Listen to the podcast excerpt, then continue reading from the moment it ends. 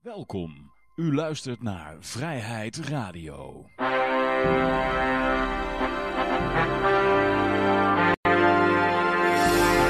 Ja, dames en heren, jongens en meisjes, dit is weer een aflevering van Vrijheid Radio. Leuk dat u luistert. We zitten hier gezellig in het café Libertaria. Met, uh, ja, zoals altijd, Peter. Mijn naam is Johan, maar we hebben ook een hele speciale gast. En die houden we zo meteen voorschijn en kunnen we nog zien. Dat is uh, Hugo. Uh, Hugo Vaassen, als, als ik het goed heb, hè? Ja. Ja, ja. En uh, daar gaan we het mee, met hem gaan onder andere hebben over Lisander Spoener. En waarom je die zou moeten kennen. Mocht je die nog niet kennen. Maar ik denk dat de meeste luisteraars natuurlijk weten wie Lisander Spoener is. Um, uiteraard geven we ook nog e-guldens weg. En ik zal natuurlijk even de e-gulden wallet uh, tevoorschijn uh, toveren. Hier boven zie je hem. Uh, efl.nl. Als je hem nog niet hebt.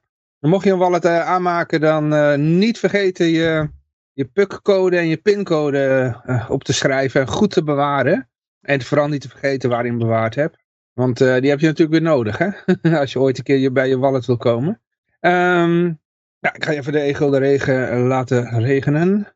Nou ja, als je nog niet bekend bent met hoe dat werkt, ergens in de uitzending, dan komt het rad tevoorschijn en dan kun je uitroepteken rondpol in de chat typen. En dan maak je kans op 10 e-guldens. En ik weet niet wat de koers is. Vorige week was het iets van 3 euro zoveel. Dus ja, dus, een hoop geld tegenwoordig. Kan je gewoon, ik weet niet wat tegenwoordig een biertje kost in de kroeg. Hm. en wat kost het bij jou op de studentensociëteit? Um, nou, ik ben een hele brave student en ik oh, drink okay. niet als ik op de universiteit ja, ja, Oké. Okay. Nou ja.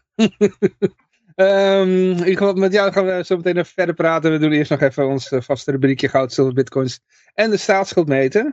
En ik heb iets heel doms gedaan. Ik heb je al in beeld gebracht terwijl de, we nog de koersen nodig hebben. Oh. Uh, maar ja, anders laten we die niet zien. Dan moeten mensen maar ons op onze blauwe ogen geloven. Uh, dat we de waarheid spreken. We niet liegen over de koers. dat we niet liegen over de koers, maar je kan het al zelf ook gewoon bij Yahoo Finance checken. ja, enorme beweging op de beurzen gewoon. ja, olie is uh, 76,87. En even kijken hoor, het is, uh, ja, het is stijgende lijn zit erin. Ik zal nog even uitzoomen. Ja, het stijgt allemaal, het stijgt allemaal. Hoe zou dat nou toch komen? Zometeen komen we bij de DXY. Uh, dan hebben we nog de, het goud. Die staat op uh, 2014 dollartjes. En dat gaat een beetje op en neer vandaag. We kijken, zoomen even uit. Nou, dat is, ja, het gaat allemaal een beetje op en neer. Het is... Uh, Blijf ja, vlak eigenlijk. Op en neer. Ja, weer uit waar het was. Uh, Bitcoin, nou ja, die is uh, gedaald, uh, zoals we hadden, al hadden voorspeld. Die staat nu op net onder de 40.000 dollartjes. Ja, maar ja, ja, ja, we zullen zien wat er gaat gebeuren. Uh, de ETF, uh, maar ja, dat is dat dan wel verwacht. Hè? De ETF, dat is, als je ook naar het verleden kijkt, ja, dat hoeft niet altijd. En, um, ja, duurt altijd eventjes, toch? Ja, alle pieken zag ik, die, die, waren met belangrijke evenementen. Dat was of de, de beursgang van Coinbase of de Futures ETF. Of altijd als er zo'n gebeurtenis was, dan klapt dat na elkaar. oh ja, ja, ja, ja. Ja. ja. We de DXY, die staat op 103,65. Volgens mij was die vorige week net op 103 gekomen. Dus het is, uh, het is allemaal weer aan het stijgen, de DXY. De US dollar index. Ik zal een beetje uitzoomen. Uh, als je kijkt op een maand. Ja, het, is, uh, nou ja, het stijgt. Leuk. Nou, dan gaan we even naar de LP-agenda. De LP-agenda, wat is er allemaal te beleven? Nou, sowieso morgen is er een demonstratie georganiseerd. Naar aanleiding van het referendum dat Tom Lamoen als gemeenteraadslid had georganiseerd. En uh, nou ja, toen zei de grootste gedeelte van Amersfoort zei nee tegen het nieuwe parkeerbeleid. En toen had de gemeenteraad zoiets van... Oké, wij hebben de les hieruit getrokken dat we het volk het beter hadden moeten uitleggen. Dus we doen ja. Weet je wel? En nou gaan we daar een, tegen demonstreren. Dus als je zin hebt, morgen bij het, op het Raadhuisplein om 4 uur. Dat is morgen, dat is vrijdag voor de mensen die dit later terug uh, luisteren. En ja, er zal, daarna wat zal er nog meer gebeuren? Uh, oh ja, er is een LP-borrel uh, in Amsterdam. Um, dat is op 25 januari, dat is vandaag dus. Ja, dat is vandaag. die is eigenlijk al afgelopen, zie ik.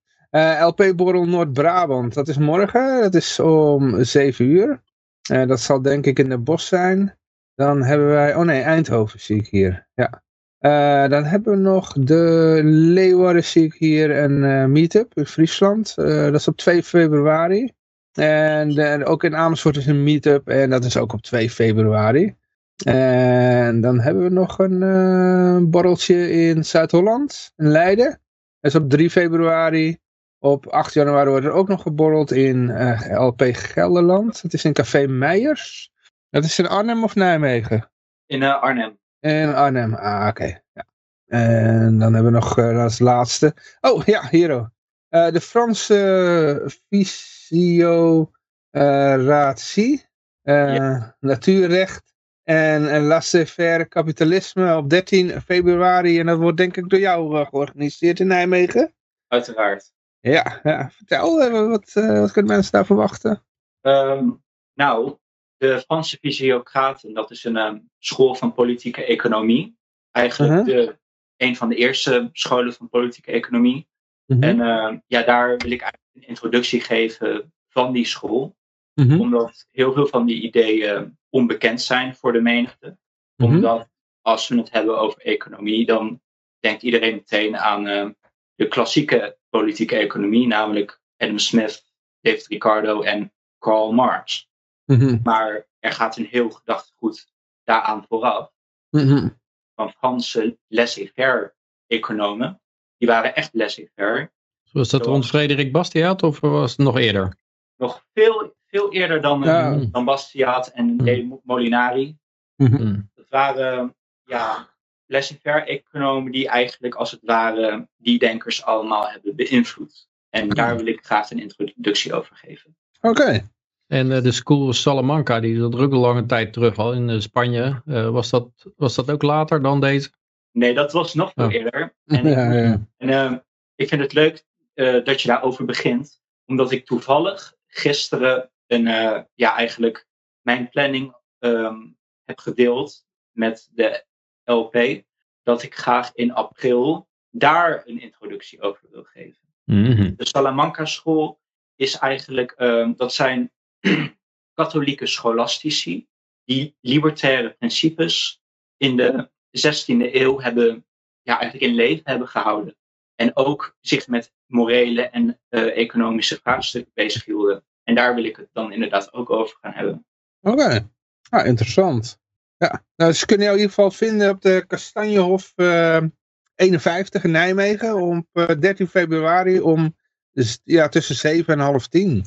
Ja, op Ja. de web- website van de LP, onder evenementen, daar staat een hele studiehandleiding en eh, allemaal informatie die je Ja, weet. Ja, toppie, dankjewel. Ja, ik doe er nog even eentje. Het is een LP-borrel in eh, Flevoland en dat is op 16 februari.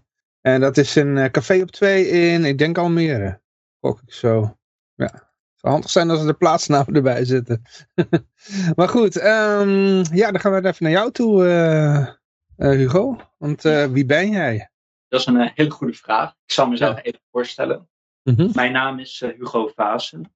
Ik studeer filosofie in Nijmegen. Mhm. En eh, in mijn vrije tijd ontwerp ik cursussen voor de Libertaire Partij. Dat zijn cursussen over rechtsfilosofie, politieke filosofie en politieke economie.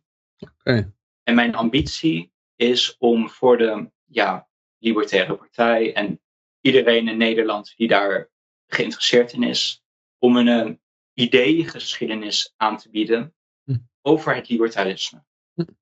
Oké. Ja. ja, toppie. Ja, ehm, je zegt dat je studeert, hè? Eh, maar hoe, hoe is het, het klimaat op de universiteit? hè? Want eh, er wordt ons vaak toch wel verteld dat het heel erg links is daar. En, Dat eh, klopt ook. Het is heel erg links. Hm. En heel veel mensen die vinden dat ja, vervelend. Maar ik heb daar net een andere kijk op. Ik vind het juist heel leuk dat, eh, ja, dat ik in zo'n links klimaat eh, rondloop.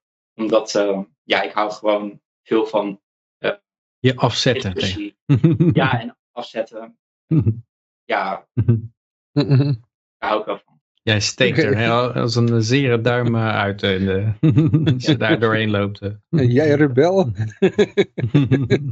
ja, ja, ja. Nee, ja, leuk joh. En, En, wat, eh, eh, wat hoop je ermee te bereiken met, eh, met de cursus? Eh, ja, gedachtegoed eh, onder de aandacht brengen. Nou, wat ik ermee maar- hoop te bereiken, is om de vlam van vrijheid door te geven aan andere mensen. Hm. Omdat waar het als het ware om gaat, zijn eh, ja, welke ideeën je uiteindelijk aanhangt. Nietzsche heeft bijvoorbeeld geschreven in zijn boek Al dus sprak Zarathustra, dat Mhm. het ideeën zijn die eigenlijk regeren over de wereld. En het doet ertoe hoe mensen denken en ja, wat, wat die invloed dat denken heeft op handelen. Dus vandaar ehm, ja, wil ik mensen erop wijzen van, en erin, erin scholen, onderrichten van hoe het libertaire gedachtegoed eigenlijk intellectueel in elkaar zit. Heb jij een idee over hoe ideeën zich voortplanten? Want ik heb het idee dat het, dat, dat, dat is ook een idee, dat dat niet gebeurt doordat er, eh, ja, door, doordat er verhandelingen worden gegeven, of boeken worden geschreven op een hoog intellectueel. Ik denk niet dat al die mensen in, in Nederland socialist zijn, bijvoorbeeld omdat ze eh, Marx hebben gelezen of zo. Eh, het, het, op een of andere manier gaat het, lijkt het zich voor te planten op een soort subversieve, ja, ondergrondse manier. Ja, inderdaad. niet iedereen is socialist als je bijvoorbeeld bij ze zou doorvragen. Dus eh, ja, alle mensen die zijn diep van binnen wel voor vrijheid en ze zijn tegen dwang en agressie. Alleen, ehm, ja, ze zitten eigenlijk in een gedachtegoed, in een manier van denken, waar dat eigenlijk eh, ja, niet uit blijkt. Daarom is het zo van belang om het ja, libertaire gedachtegoed op de juiste manier te verspreiden, zodat mensen dat ook zelf kunnen inzien. En dat is Hmm. voornamelijk het belangrijkste, dat mensen het zelf inzien en dat ze zelf ook ehm, ja, daar onderzoek naar doen. Ja, maar het is moeilijk om mensen wel enthousiast te krijgen. En ook omdat dat ze de tijd vrijmaken om daar zich in te verdiepen. Want eh, ja, je ziet dat bijvoorbeeld dat het eh, een beetje populisme nou veel harder groeit. Ik heb het idee als er een onderstroom is, dan is het het populisme, zeg maar, wat je in, in Duitsland en Nederland en Amerika misschien ook al ziet. Ehm, ehm, ja, de, een beetje angst voor immigratie en zo. Die, die hele gevoelens van angst en, en hebzucht. En dat, dat lijkt een enorm katalysator te zijn om, om bepaalde ideeën te verspreiden. Terwijl, eh, ja, als je, als je het intellectueel eh, toe moet komen, dan lijkt het haast niet te lukken. Zeker. Maar beste Peter, kijk, populisme is eigenlijk toch ook maar een strategie. Waarom zouden we er niet op Mhm. kunnen eh, richten om libertarische populisten ehm, ja, te gaan gebruiken? Omdat ons gedachtegoed is in wezen heel sterk Ja, met non-agressieprincipe en met individuele vrijheid. Hm. En eh, ja, wat wij eigenlijk nodig hebben als libertaire beweging, als ik even Arjen Rent erbij haal en Thomas Sowell en Murray Rothbard, want zij hadden daar ook over geschreven hoe de libertaire beweging politiek eh, meer invloed kan krijgen. En dat is eigenlijk door eh, praktijk en theorie bij elkaar te brengen en dat eh, onder de mensen te verspreiden. Joh, een soort Yoshi liever uit Lieberland hoor ik hier weer in al jongens. Ik kan er niks aan doen. Maar het vreemde is eigenlijk eh, dat de ideeën zijn zo ontzettend goed. Eh, eigenlijk veel beter dan, als je kijkt naar socialisten, zitten gewoon eh, inconsistenties in. Uh, fascisme zitten ook inconsistenties in. En ondanks dat onze ideeën met kop en schouder boven de, boven de rest uitsteken, zijn ze toch ontzettend moeilijk aan de man te brengen. En die ideeën waar een heleboel op, op af te dingen is, uh, van, uh, ja, zoals Mises al schreef, van so socialisme hebben geen, zonder eigendom heb je geen prijzen en zonder prijzen kan je niet economisch plannen. Dat lijkt heel erg voor de hand te liggen en toch walst het gewoon door. Uh, als een stoomwals die daar, die daar niet door te stoppen. Mensen hebben ja iets van, ja, het zal ja, er zitten inconsistenties in. Dat maakt me niet uit. Uh, als ik er beter van word, dan, uh, dan, dan geloof ik het wel. Nou, het feit dat er consistenties zitten in socialisme, dat veronderstelt eigenlijk al dat je gebruik maakt van rationeel denken. Ja. Maar als jij een irrationeel wereldbeeld hebt, dan, uh, ja, dan geef jij niet om drogredenen. Dan hebben die geen invloed op jouw Ja. denken. Ja. En die negeer jij dan gewoon. Ja, en het, het schijnt zich ook, lijkt zich te verspreiden, dat irrationele, in de zin van dat ze niet eens meer de vraag kunnen beantwoorden, what is a woman of zo. Of, uh, Eh, er zijn, eh, het, de irrationaliteit die, die breekt in alle vlakken van het leven door. Zelfs in eh, energiebeleid of in... eh, nou, je kan het zo gek niet verzinnen eigenlijk. Of eh, men, men is wel irrationeel bezig. eh, nou, of dat voert erboven tonen.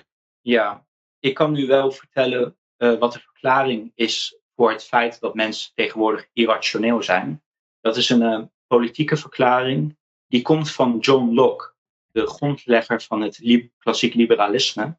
En ehm, Locke die voert een soort van gedachte-experiment uit, namelijk dat van de natuurtoestand. In de natuurtoestand, dat is een soort anarcho-kapitalistische samenleving.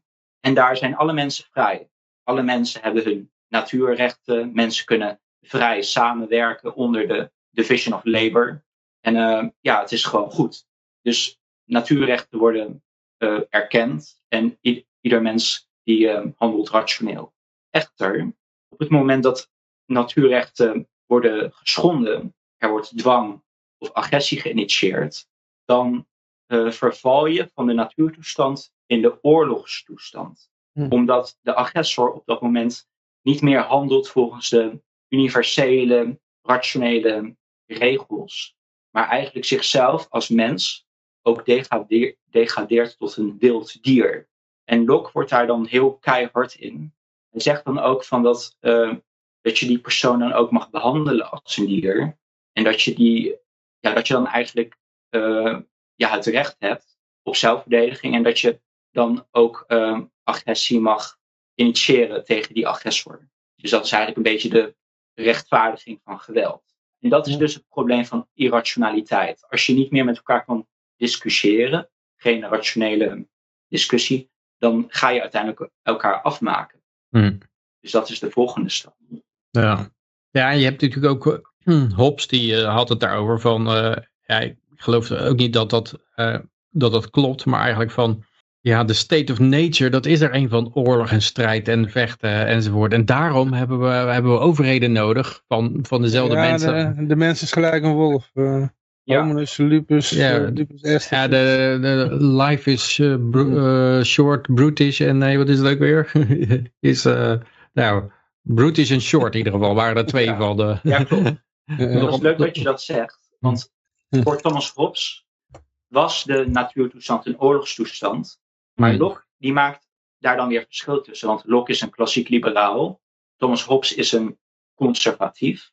Hm. En eh, ja, voor John Locke is daar dus een verschil tussen.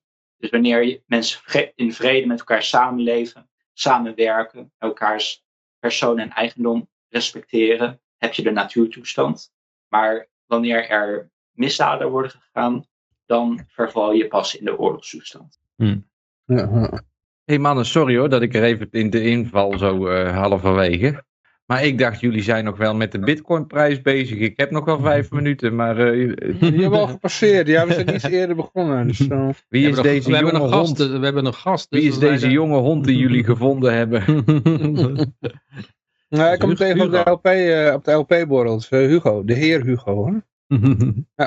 Dankjewel. Ja, de presentatie geven over Lisander Spooner. eh, is Ja. dat voor de- Nou, die kan Laten ik ook daar- bekijken, want daar heb ik nog nooit van gehoord. Oh, Oh, nou. Kijk. Mm. Hmm. nou, dat is eh, Yoshi, toch. Ja, je hebt, er, je hebt er vast wel van gehoord. Het is die gast die met, het, eh, met de postal servers ging comp- eh, competitie ging doen. Omdat eh, hij zei van ja, dat is een staatsmonopolie in Amerika, die postbezorging. En dat kan ik veel beter. En hij had, geloof ik, dat een, een zak mail en een, en een brief was evenveel. De, of hij kon een zak mail voor de prijs van een brief versturen of zo. En toen, eh, maar dat mag natuurlijk niet, want het is een eh, staatsmonopolie. Is er. En hij, hij werd eh, in een hele korte tijd te populair. Dus eh, want hij kon het voor een, eh, voor een fractie van een cent eh, versturen. Terwijl de, de, de, US Postal Service was, eh, was zo duur dat alleen de rijken het konden gebruiken. Hé, hey, waar hebben we dit eerder gehoord? Ja, leuk, mooi. En wanneer gaan die eh, presentaties plaatsvinden? Nu? Oh, hier, nu. Ja, ja, ja. Nou, heb Dus, ik, eh, ik val weer met mijn neus in de boter, jongens. ja, ja, Nou, maar ja, ga, ja. gaat Hugo echt een, een presentatie geven dat wij gewoon achteruit gaan zitten en luisteren? Of is het, eh, is Ja, het een dialoog of zo? Of, eh, ik zou liever een dialoog met eh, jullie willen. oké. En over de, de postservice. In die tijd was dat eigenlijk ook een innovatie. Hè? Er was nog helemaal niet zoiets als een, als een postbezorger en het het rondbrengen van de, van, de, van de brieven. Dat was echt een innovatie. Daarom was Spooner ook een ondernemer. Hij was ondernemer, hij was advocaat, hij was schrijver, libertair filosoof, van alles. Maar die post office staat in de Constitution hè, in Amerika. Dat, uh, dat is, ja, dat verbaast mij ook. Ja, het, het, het verbazen, het schijnt dat Nederland was natuurlijk de PTT ook ooit een staatsmonopolie. En Ja. als, jij, als jij de staat hebt, dan moet je natuurlijk controle hebben over de wegen waar de troep- troepentransporten zijn. En de communicatie moet je controleren. En Wat vroeger dan brieven was, maar dan later telefoon werd. Eh, zodat jij, en eigenlijk ook radio en, en, en media. Omdat elke opstand die zal wegen nodig hebben en die zal communicatie nodig hebben. Dus als je dat al, als je dat controleert, als je daar een monopolie op hebt, dan, eh, dan kan je elke opstand de kop indrukken. Ja, En eh, ik denk dat het daarom, maar ik, ik, maar ik vind het wel vreemd dat het, want die constitution is eigenlijk een beetje, ja, je hebt het idee een vrij libertair-achtige toestand van, eh, ja, je- de overheid moet zich overal een beetje buiten houden. Waar ze, en en anders, dan hebben ze wel opeens, een, een, eh, is er wel, staat opeens dat de post staat er opeens in. Net zoals in Nederland de TNO-wet er is of zo. Er is een wet dat er, dat er een TNO moet zijn. ja, Spooner heeft in feite ook een essay geschreven. Waarin Ja. hij zijn eh, onderneming verdedigt. En ook betoogt waarom eh, het onconstitutioneel, ja, waarom het tegen de eh, constitutie is. Om hem eh, daarvan te beperken. En daarvan te weerhouden. Ja, ja.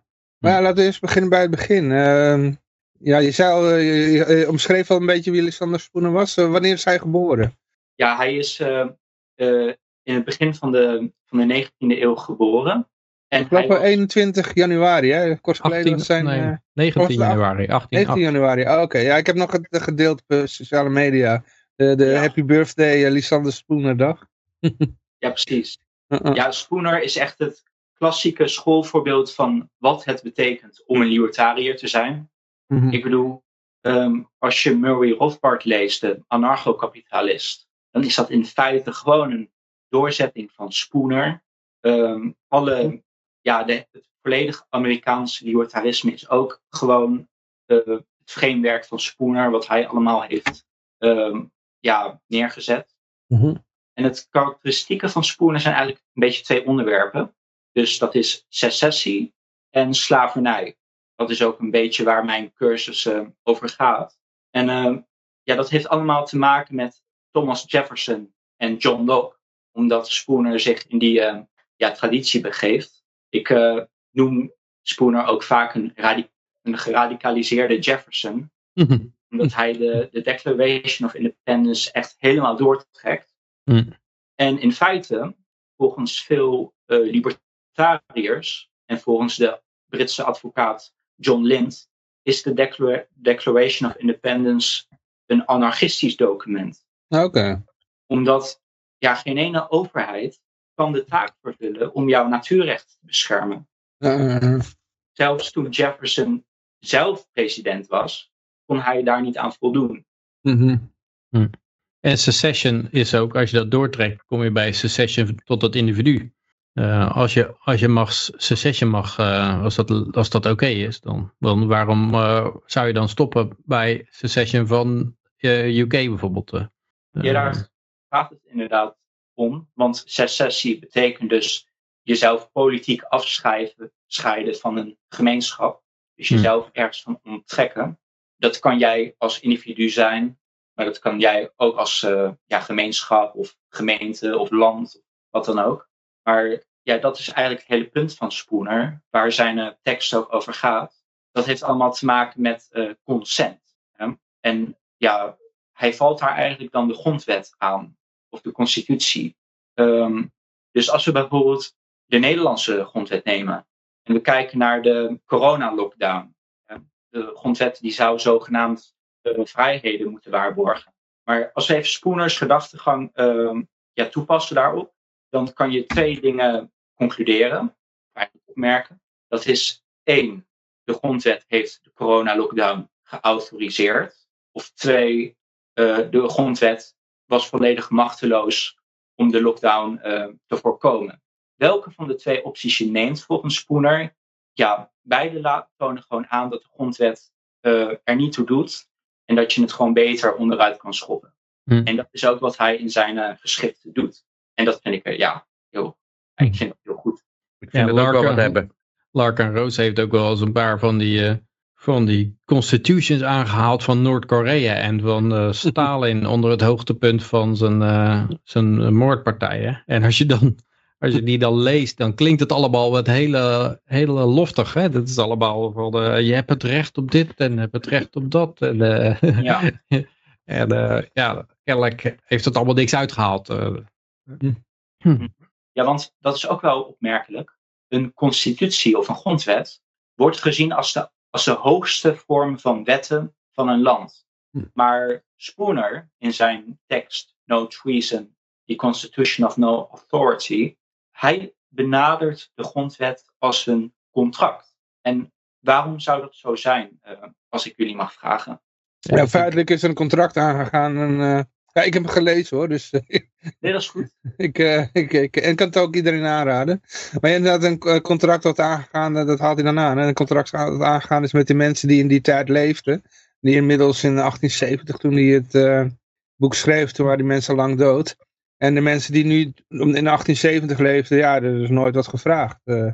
Nee, maar dat is het een beetje hetzelfde punt als wat ik wel eens maak. Elke keer als jij je paspoort gaat verlengen, zet jij je handtekening in dat boekje.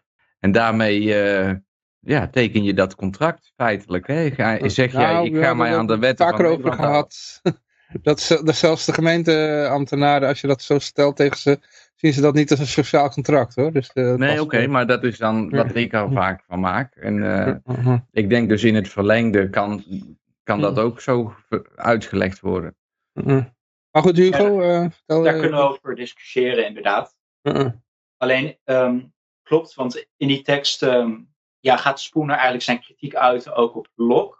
Dus wat Mhm. hij doet, is hij eh, neemt de constitutie en hij gaat dan, hij gaat dan eh, zich afvragen van wat kan in hemelsnaam nou, eh, ja, hoe kunnen mensen in hemelsnaam nou toestemming geven aan die constitutie?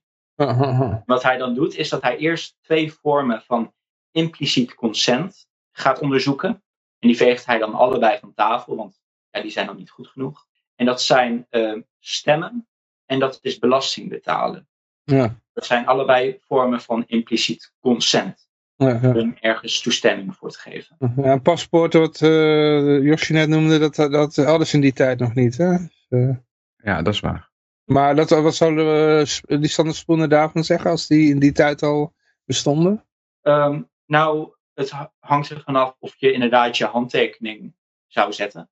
Maar Ja, maar dan nog, het punt is bij een paspoort wordt niet gezegd van nou hiermee stem je in met een sociaal contract. Dat staat niet Nou ja, hiermee, hiermee, mm, ik ma- maak het dan wat Je anders. Hiermee- identificeert alleen jezelf. Dus dat is wat... Nee, wat, eh, nee jij, jij, jij gaat akkoord met de wet en regelgeving van Nederland. Op het moment dat jij dat contract ondertekent, het sta- paspoort staat dat in een, in een reisdocument? Nou ja, dan ben jij een burger van Nederland en dan gelden de Nederlandse wet en regelgeving op jouw Ja, persoon. volgens mij word je niet een, volgens mij word je burger van Nederland als je ingeschreven staat in het eh, GBA, de gemeentelijke basisadministratie. Heb je daar een Dan, in ieder geval, dan ben je voor zichtbaar. Dan ben je zichtbaar. Nou, nee, niet. Want buitenlanders staan ook ingeschreven, die eh, hier een uh, verblijfsvergunning. Maar het is allemaal een beetje onzin. De o- Als de overheid stelt stukken raamwerken op die zeggen, ja, als je naar het toilet gaat, dan ben je daarmee oud, dus heb je het sociaal contract ondertekend. En dan, eh, ja, jij moet op een gegeven moment naar het toilet. En dan ga je naar het toilet. Ja, nou, ja, nou heb je, ben je Nou ja. akkoord gegaan met al onze regels en, eh, en, de en, eh, en de- deze boeken aan. je bent nou een slaaf voor het leven. ik denk dat ik klasse- geef er een iets andere uitleg aan, want jouw ouders die gaan binnen de zes dagen van jouw geboorte jou aangeven bij de gemeente. En dan kun je dus zeggen, is zo'n baby eh, daarmee contractueel verbonden aan de, de keuzes die de ouders voor hem hebben, of haar hebben gemaakt? Ja, maar dat komt omdat ze daar in feite ook geen keuze in hebben. nee, oké, tuurlijk. Ja. Dat, daar ben ik allemaal mee Dat eens. is ook met een sociaal contract. Dat eh, heb je, eh, ja, volgens die hypothese heb je die eh, gewoon stilzwijgend eh, mee ingestemd. Of vanaf het Ja. moment dat je verwekt werd of zoiets. eh. Ja, nou ja, jouw ouders hebben dus jou daarmee in laten stemmen, om het maar zo te zeggen, door jou in te schrijven. En ja, er kan nog een heleboel toen de daad gepleegd was waarmee je verwekt werd. Maar, Maar- Hugo, wat wil je zeggen? dat is nou het punt wat Spooner ook wil maken. Ja, Dat is dat jij als mens hebt niet de autoriteit om voor andere mensen te beslissen of zij ehm, ergens toestemming aan geven of niet. Want die Mhm. au- autoriteit die blijft bij een persoon zelf. En over Ja. dit vraagstuk van jullie is dat je je zou moeten afvragen of een eh, paspoort of dat een sociaal contract is of niet. En als het een sociaal contract is, ja, wat staat er dan in geschreven? En wat Ja. zegt het dan precies? Dus dat is, eh, Zou je ook van tevoren daarmee, als je een paspoort ophaalt, moet je met de hele, komt een heel boekwerk doorlezen. Bent u hiermee eens? Net als bijvoorbeeld wanneer je lid wordt van Facebook of Twitter of zo, moet je ook zo'n user agreement. eh, Nou ja, en, en- Ondertekenen. en mijn punt is daartegen is dan weer, dan lees je dat en dan zeg je, goh, u, u claimt hierbij de gratie van God eh, te hebben. Maar in mijn, in, ten eerste, als voel ik me dan in toon mij één die keer. maar aan. toon mij die maar aan, want die, die Oh, hebben ja. ze niet. En ten tweede, misschien is in mijn realiteit jullie God wel mijn duivel. Snap je? Dus dan kun je op basis daarvan eh, bezwaar gaan maken dat je dus niet in diezelfde God als jouw koning. In Nederland heb je een koning die dat allemaal regelt. Dat maakt het wat makkelijker in zekere zin om er tegenin te gaan. Eh, en, dan- en dan zeg je, ja, volgens mij is jullie eh, God mijn duivel en ik kan die geen eh, goedkeuring aan geven. Oh. Ja, Krijg het ook is geen een, het reis- is, krijg ook geen reisdocument. het is, nee, precies. Maar ik, ik heb die. ik heb negen jaar geleden een tienjarig lang paspoort aangevraagd. Dus daar geniet ik nog van dat ik dat Nou, ga ja. gebruiken. Maar het begint wel. Ja, ik moet, het, om, om mijn volgende punt als waarheid te kunnen ondersteunen, heb ik wel wat meer nodig dan alleen mijn eh, kreten, mijn schreeuwen in de woestijn. Maar goed. Nou, Spooner zou hier heel kritisch op, eh, op ingaan. En hij zou vragen van het, het aannemen van een paspoort, ondertekenen van een paspoort, is daaruit meetbaar of jij toestemming geeft aan de grondwet ja of niet? Of, of nee? Ja, mijn, Die mijn, vraag kan beantwoorden. Mijn, eh, mijn antwoord zou zijn, als jij het niet eens bent met die grondwet, dan verhuis je naar een land waar je wel, het wel eens bent met die grondwet. Niemand die verplicht jou om in Nederland te wonen. Maar dat is volgens Spooner dus geen goed argument. Omdat je dan uitgaat wederom van impliciet consent. En eh, ja, stel je voor, eh, ik moet nu eh, verhuizen, want ik ben het niet eens met deze overheid. Nou, dan kom ik in een ander land, daar is ook een overheid. En die zegt van, ja, hier ben je het eh, ook niet mee eens, dus dan moet ik weer naar een ander land. Ja. En zo kom je eigenlijk in een oneindige regressie terecht, waarbij je de hele wereld oneindig blijft door rondreizen, waarbij je nergens Tot jij je eigen land het gaat er ook om, eh, Tot je je eigen land sticht. en waarom hebben die lui het recht om te zeggen van, eh, ja, jij moet vertrekken als je het niet met, deze, met onze regels eens bent. En je kan natuurlijk, ja, daar is geen enkel, enkel bewijs voor. Zo, je kan ook zeggen van, eh, ja, vertrekken jullie maar als jullie het hier niet mee eens zijn.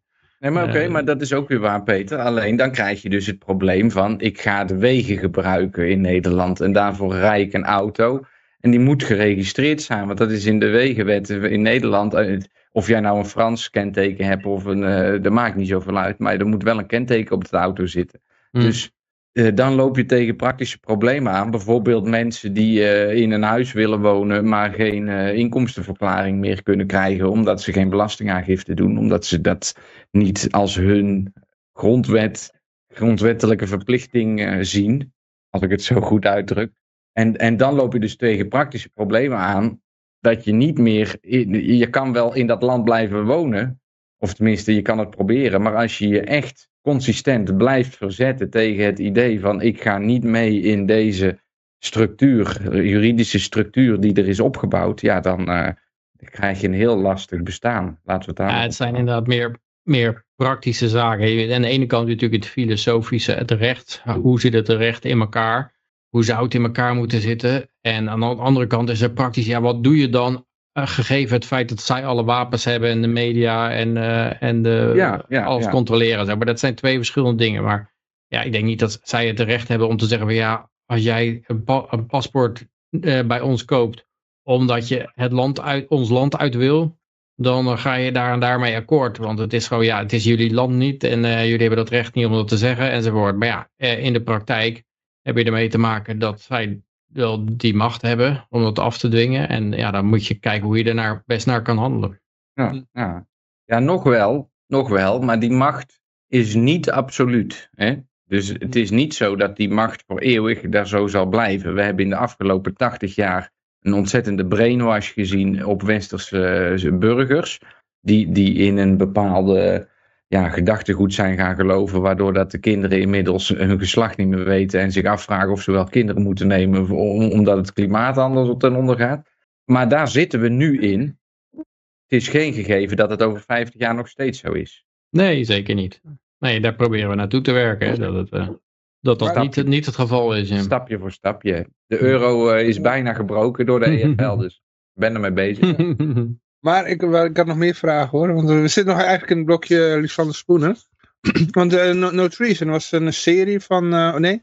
eh Constitution of No Authority was een van de werken van een serie die No Treason heette, had ik begrepen. Wat, wat ging de rest over dan?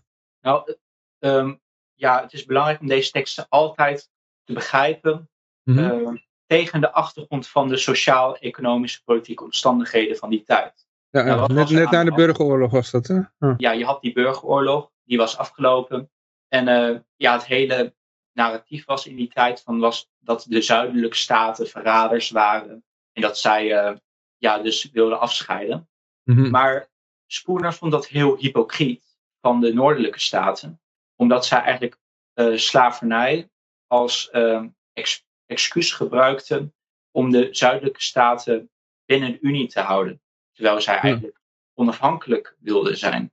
Hm. Dus Spooner gaf daar echt het typische libertaire antwoord op.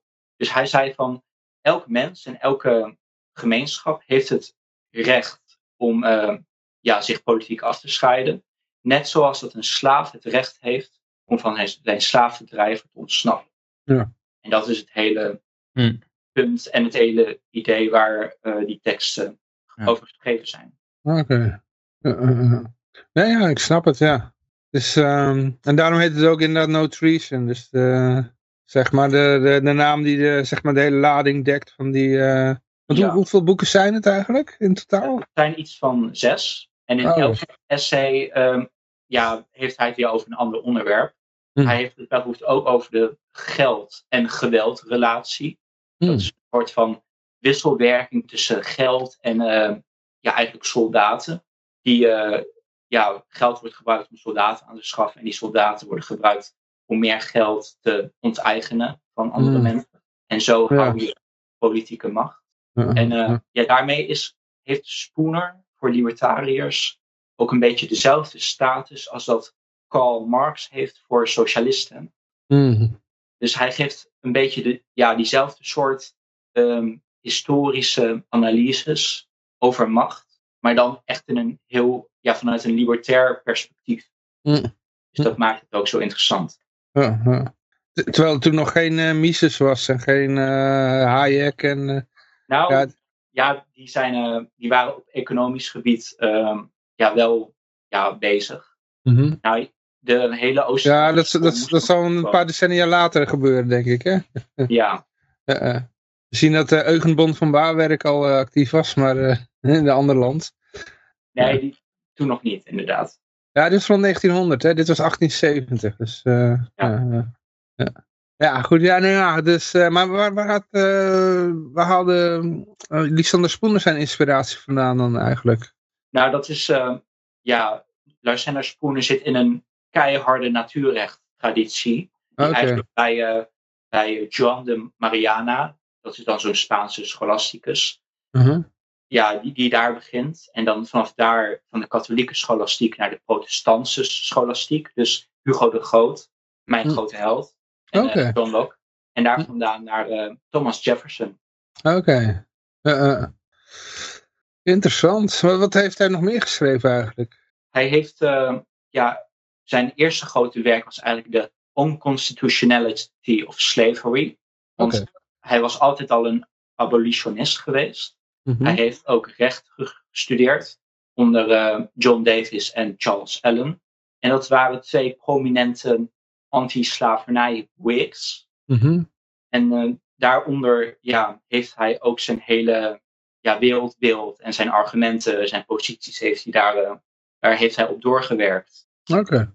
En hij heeft dus betoogd dat de constitutie van de Verenigde Staten niet per se slavernij ondersteunt. Hmm. En dat is een hele opmerkelijke positie in die tijd, omdat de, ja, de grote aboli- abolitionist, William Lloyd Garrison, hij wordt ook door velen als een libertariër gezien, die zei juist wel dat de constitutie slavernij eh, ondersteunt. En hij heeft zelfs de grondwet verbrand, Oké. omwille van eh, ja, dat feit. Oké. Mm. Zijn er toen nog rellen uitgebroken? Oh, sorry. Eh, Nou, Mhm. het was echt, het was een en al rellen in die tijd. Ja, ja, ja. Mensen die, die ja, weten niet van hoe erg het eigenlijk was. Want mensen zo. werden opgehangen, huizen Ja. werden in brand gestoken. Nog heel Eh, gevoelig. Ik, Ja. ik zei het meer als grapje in verband met de Koranverbranding van vorige week. Oh, nou ja, ja precies. Ja, waar ze nou een verbod op zoek zijn in Arnhem, begreep ik, de Ja, burgemeester. ja, ja, ja. Ik zou ook meteen, ze moeten ook Mhm. meteen eh, het homohuwelijk afschaffen. Kijken of dat er dan nog steeds zoveel steun voor is. Ja.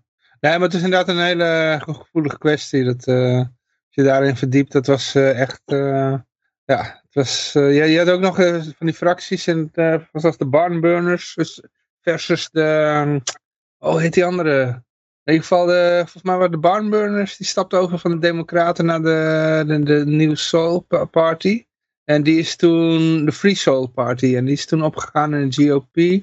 Wat dan Ja. later weer de Republikeinse partij werd.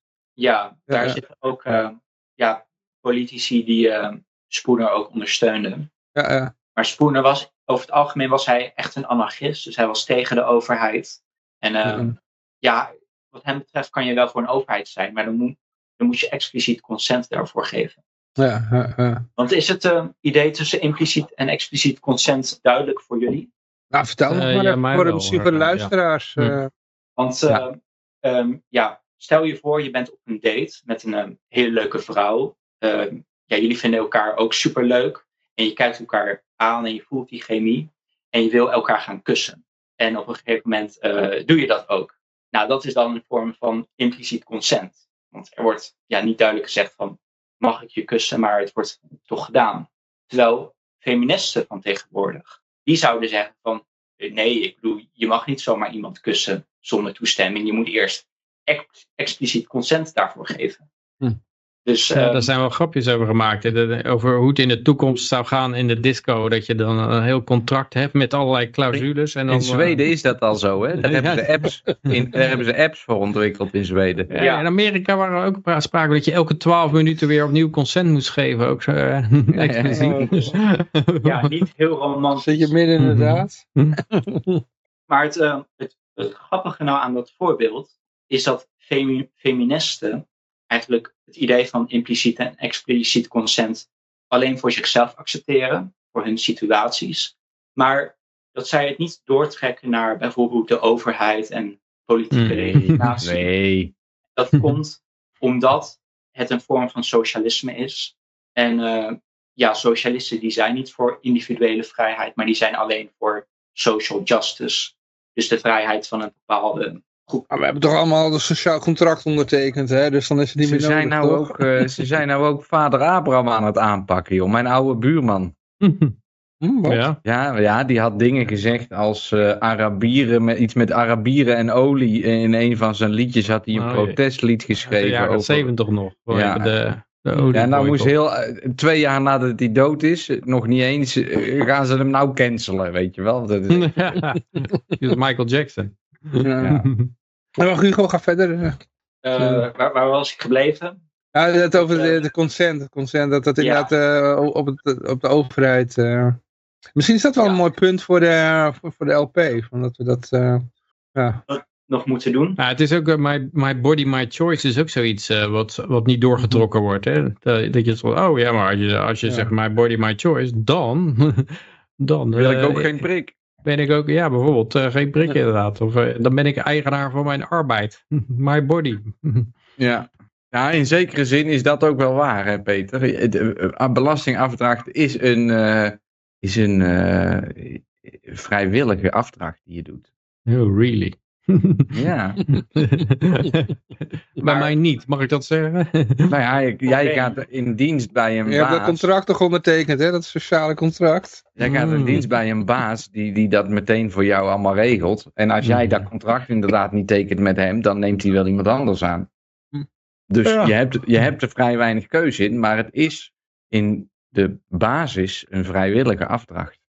Ja, dit is ook weer zo'n onzin van, ja, als je de weg op gaat, dan, dan kies je ervoor, om, eh, dan is het ja, je kan ook binnen blijven zitten. eh, maar ja, als je de weg op gaat, ja, dan, eh, dan heb je met de overheid een contract over, over het weg, Nee. hun weggebruik nodig. Ja, het is hun weg niet. En het, en, dus ja, eigenlijk is de vorm van slavernij gewoon een belasting. Waarbij de overheid een claim heeft op jouw lichaam en jouw arbeid. Een hogere claim dan jijzelf. Ik heb werk gevonden in de afgelopen tien jaar. Daar heb ik nooit belasting hoeven afdragen. Nee, je, je- je kan er wel onderuit met veel moeite. En, eh, maar dat betekent niet dat je vrij bent als je niet die moeite neemt om er onderuit te komen. Of dat, dat je dan kan zeggen, nou dan is het je eigen schuld. Want eh, ja, je had, eh, je had ook naar Somalië kunnen verhuizen of zo. Dat is wel een leuke over eh, belasting. Want ehm Ja. Spooner die maakt er een hele, hij geeft daar een heel grappige ana- analogie voor. Hij vergelijkt de overheid met een highwayman. Dus een soort van rover. En Ja, die op- Die op straat overvalt. Nou, Dick zegt Turpin. hij zo van, ehm, de highwayman, die is eigenlijk veel meer een gentleman en veel ge- meer gemanierd dan de overheid. Want die ehm, highwayman die neemt zelf morele verantwoordelijkheid voor zijn daad. Hij neemt zelf het risico, hè, want het is heel gevaarlijk om iemand te overvallen. mhm. Nadat hij jou heeft bestolen, laat hij je verder met rust. Hij achtervolgt je niet als een gekke stalker die je, je De volgende keer weer gaat bestelen. ja, en die net alsof doet dat hij het allemaal voor je eigen best wil doet. En Mhm. eh, Ja. En die ga je ook niet lastigvallen met allemaal wetten en regels. ja, Of zei, die- zei Lisander dat ook? eh? wat zei je? wat ik net zei, dat hij, eh, dat, dat hij eh, ook nog eens lastig gaat vallen met allemaal regels, de overheid. Ja, dus die Oké. eh, verbiedt je het een en die eh, ja, Mm, mm, mm. commandeert je het ander. Eh, eh. Ja. Hmm. Nou, ik vond het leuk. Ik vond het een interessant. Tot op heden heb ik weer wat geleerd. Door met jullie in te bellen vandaag. Ja. Mhm. Maar al die boeken van Lisander zijn eh, allemaal te downloaden, denk ik. Hè? Dat is, eh, Ja, No, no Eh, Treason kan je zo vinden. Als je gewoon No Treason eh, Constitution of No Authority, dan Gutenberg, de website, die, die heeft geloof ik, eh, daar kan je Ja. het zo downloaden. Er zijn volgens Hey, mij nog meer heb- ik heb- websites. Ik heb nog wel een vraagje erachteraan. Want hoe ben jij nou op dit onderwerp zo uitgekomen? Dat je dit helemaal bent door gaan spitten. Aan Hugo is de vraag, mocht er niet over. Nou, ja, nou eigenlijk gewoon ehm, door andere eh, ja, libertaire denkers te lezen. Dus ja, ik lees heel veel eh, teksten. Ik bedoel, ik bestuur al, bestudeer al sinds mijn veertiende John Locke, Adam Smith en Thomas Jefferson. En hoe oud ben je En nou? ik- 25. En ik bestudeer al eh, acht jaar Hayek. Ik bestudeer al zes jaar Mises. En eh, ja, door constant die tekst te lezen kom je in verwijzing met andere teksten. En zo kom ik ook eh, ja, bij Spooner terecht. Mooi. Maar er zijn twee essays van Spooner die echt aan te raden zijn. Die zijn ook redelijk kort. Dat is namelijk eh, Natural Law eh, or The Science of Justice. Oké. Want Spooner zag natuurrecht ook echt als een wetenschap. Hm. Een a priori wetenschap die iedereen eh, zelf kan eh, ja, volgen. En een andere essay genaamd Vices are no crimes. Dat is ook echt een hele mooie. En ik vind eigenlijk dat die allebei ook bij eh, libertaire opvoeding hoort. Hmm. Ja. Ook ik zal erover denken. Ik ben meestal niet zo'n lezer zelf. Maar goed. Je hebt ook audioboeken hoor. Dus, eh, Ja, ja, ik zijn, heb... ja, ik ben meer zo'n audioboekman. Dus dan zet ik gewoon zo'n audioboek aan en dan ga ik lekker even luisteren. Een eh, wijntje erbij en noem maar op. eh. Ja, Dus eh, ja. Nee, ja, dus ja, mensen, eh, dus mocht je nog niet, mocht je in ieder geval, zeg maar, ja, nog niet bekend zijn met Lisander Spoen, ik zou zeggen, ga ervoor, ga gewoon zoeken. Het is, eh, ja, het bouwt je op, hè. Ja. ja Hoe zou jij het omschrijven, Hugo? Wat zei je? Hoe zou jij het omschrijven? Wat doet Lisander met jou? Ehm, nou, eigenlijk ehm, het leuke ehm, van Spooner, zijn- van zijn teksten, Mhm. is dat hij in staat is om alle blikken in één keer de andere kant op te, ja, te maken. En dat is heel knap als je dat kan als filosoof. Wat bedoel je daar En- precies mee? Nou, dat hij je heel anders ehm, ja, naar de wereld laat kijken. Oké, heel andere Een invalshoek. hele andere invalshoek geeft om ehm, Ja, ja, ja. recht te benaderen. Hmm. En al, zelfs al ben je het niet helemaal met hem eens, toch ehm, ja, geeft hij iets, ja, geeft hij toch wel weer nieuwe interessante invalshoeken, inderdaad. Hm. Ja. En dat geeft Ja. hij ook voor mij. Wat ik wel raar vond in mijn zoektocht is dat ja, toen ik eerst met die ideeën in aanraking kwam, dat ik dacht van, oh, dit is geweldig, het, het kan allemaal veel beter en uh, dit ga ik gelijk aan mensen vertellen en uh, dat verspreidt zich als een uh, lopend vuurtje. En toen zag ik opeens Bastiat en toen bleek van, verdomd, het is al veel ouder dan ik dacht.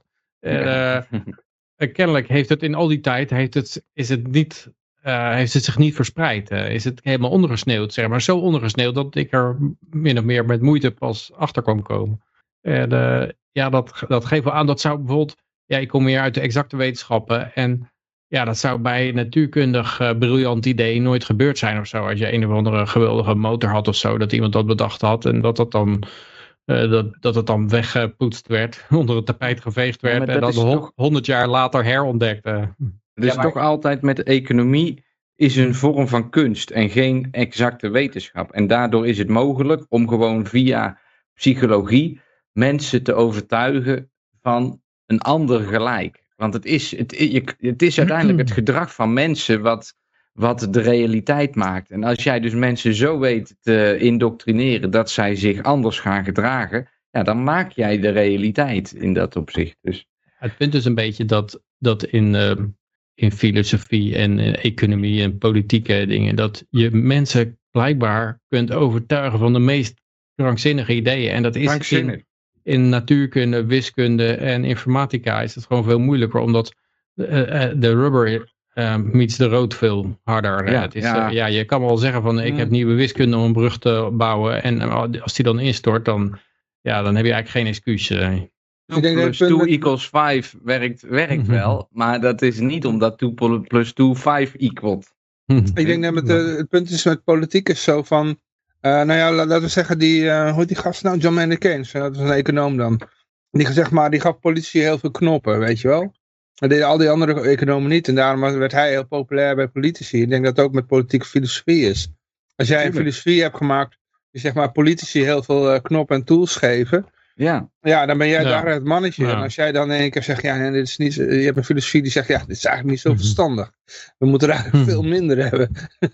ja, dan uh, gaan die politici zeggen, ja, nee, dit is uh, geen interessant. Uh, laten we dit maar vooral vergeten. Je zegt, de economie regel je met de rentestand en de temperatuur wereld van de wereld met de CO2-gehalte. Dan, dan springen alle politici gelijk, die, die, over, die geven berg geld over je, storten ze over je uit om dat maar goed genoeg te herhalen. Ja, precies. Ja. Ja, en, en, en het uh, probleem... Oh, voor mij wil Hugo wat wil je zeggen? Ja, Peter heeft echt het pijnpunt te pakken. Zo, ja. ja. Omdat uh, libertarisme moet eigenlijk herontdekt worden. Want het heeft eigenlijk altijd al bestaan. De eerste, je hebt hele oude Chinese libertariërs heb je al. Mm, en je hebt uh, Marcus Tullius Cicero in de Officies, waar hij eigenlijk al het non-agressieprincipe uh, formuleert. Maar libertarisme heeft altijd al bestaan, omdat wij als mensen bestaan. En ieder mens kent rechtvaardigheid als je het uh, maar goed genoeg doorvraagt. Want geen een mens die wil uh, ja, zomaar dat er een mes in hun lichaam wordt gesteekt of zo. Iedereen weet dat dat uh, onrechtvaardig is. Ja, ik weet het niet hoor. Met Donald Trump weet ik het nog niet. Kan ik het nog wel rechtvaardigen? Wat, wat, wat? wat? Een mes in zijn rug. Oh. Oh, wacht, ik zal het netjes houden, anders dan krijgen we de NCTV over de vloer. Nou, ik wil je nee, bij ik deze... denk dat veel mensen inderdaad, uh, het, het bestaat alleen dankzij het feit dat, dat het geoutsourced wordt naar de overheid. En zelfs die bestaat het alleen omdat ze eerst uh, een paar brieven sturen uh, voordat ze echt geweld gaan gebruiken. Er zijn maar heel weinig mensen die, die gewoon echt zeggen van oké, jij doet niet wat ik zeg, dan sla ik je, sla je kapot. Ze zitten er uiteindelijk wel, helemaal aan het einde van het traject. Maar er zitten een heleboel dingen voor die allemaal nood, noodzakelijk zijn. Zodat mensen dat niet kunnen zien. En uh, mensen dat ook bijna niet, niet hoeven te doen. Dus bij de meeste 99% van de mensen in de overheid hoeft dat ook niet te doen. Die zitten achter een gemeentehuis uh, bij paspoortjes uit te delen. En ja, die, die hebben ook niet door dat ze, dat ze van dat apparaat uit, deel uitmaken waar uiteindelijk een pistool achter zit. Nee. Nee, dat geweld, dat is voor heel veel mensen, ja, dat, dat, dat verklaren ze je voor gek als je dat, als je dat zegt. Hmm. Hoezo geweld? Ik heb nog nooit geweld meegemaakt in mijn hele leven, want ik ben toch gewoon een nette burger. Ja, juist als nette burger financier jij al dat geweld. Een slaaf kun je ook passen met de geestel als je ongehoorzaam bent. Als je ongehoorzaam ja, bent, dan... Ja, ehm, Hm. Ja, ik wil bij deze nog even, eh, even Hugo uitnodigen om mijn website schulden.nl met SG aan het begin een keer te, eh, te lezen. Want jij leest veel, zeg je. Dus dan, eh, ik schrijf veel. Dus eh, Ja, ik ben wel heel kritisch wat ik eh, lees. heel graag. Heel graag, ja. En geef- en geef vooral veel feedback. Daar ben ik altijd naar op zoek. Ik heb vandaag weer mijn laatste tekst eh, afgemaakt. En ja, nou, dan kan de volgende tekst. Dit is alweer inspiratie Ja. voor een volgende. Nou, misschien eh, even kijken, we gaan nu zometeen naar de nieuwsberichten toe. Ik weet Nee, niet ik of heb er nog nog meer iets... vragen. Oh, oh, oh, oh zo, ja, stel, stel ze eerst, stel ze eerst. Ja, heb je wel eens van Ja. Liberland gehoord, Hugo? Nee, Nee? Ik Oh, ben nee, ook- ik ben meer een boekennerd dan dat ik... eh, Nee, ja, ik ben, ik ben meer de... Ik ben meer de gozer die elke keer de klappen vangt. Dus eh, dat, dat is wat dat betreft een goede aansluiting. Nou, kijk er eens naar. Liberland. Ik ben Ja. er nou eh, tien jaar mee bezig. En in, in dat verhaal wat ik eh, ga delen, zo, ik zal het even in de Skype-chat zetten. de- dan schrijf ik er ook voor over. Maar ehm, een tweede vraag. Wat vind je van Bitcoin? dat vind ik absolute flauwekul. Oké, kijk, dat ben ik blij dat ik het gevraagd heb. Omdat eh, ik ben echt een metalist. Ik ben tegen abstract... Wat betekent dat?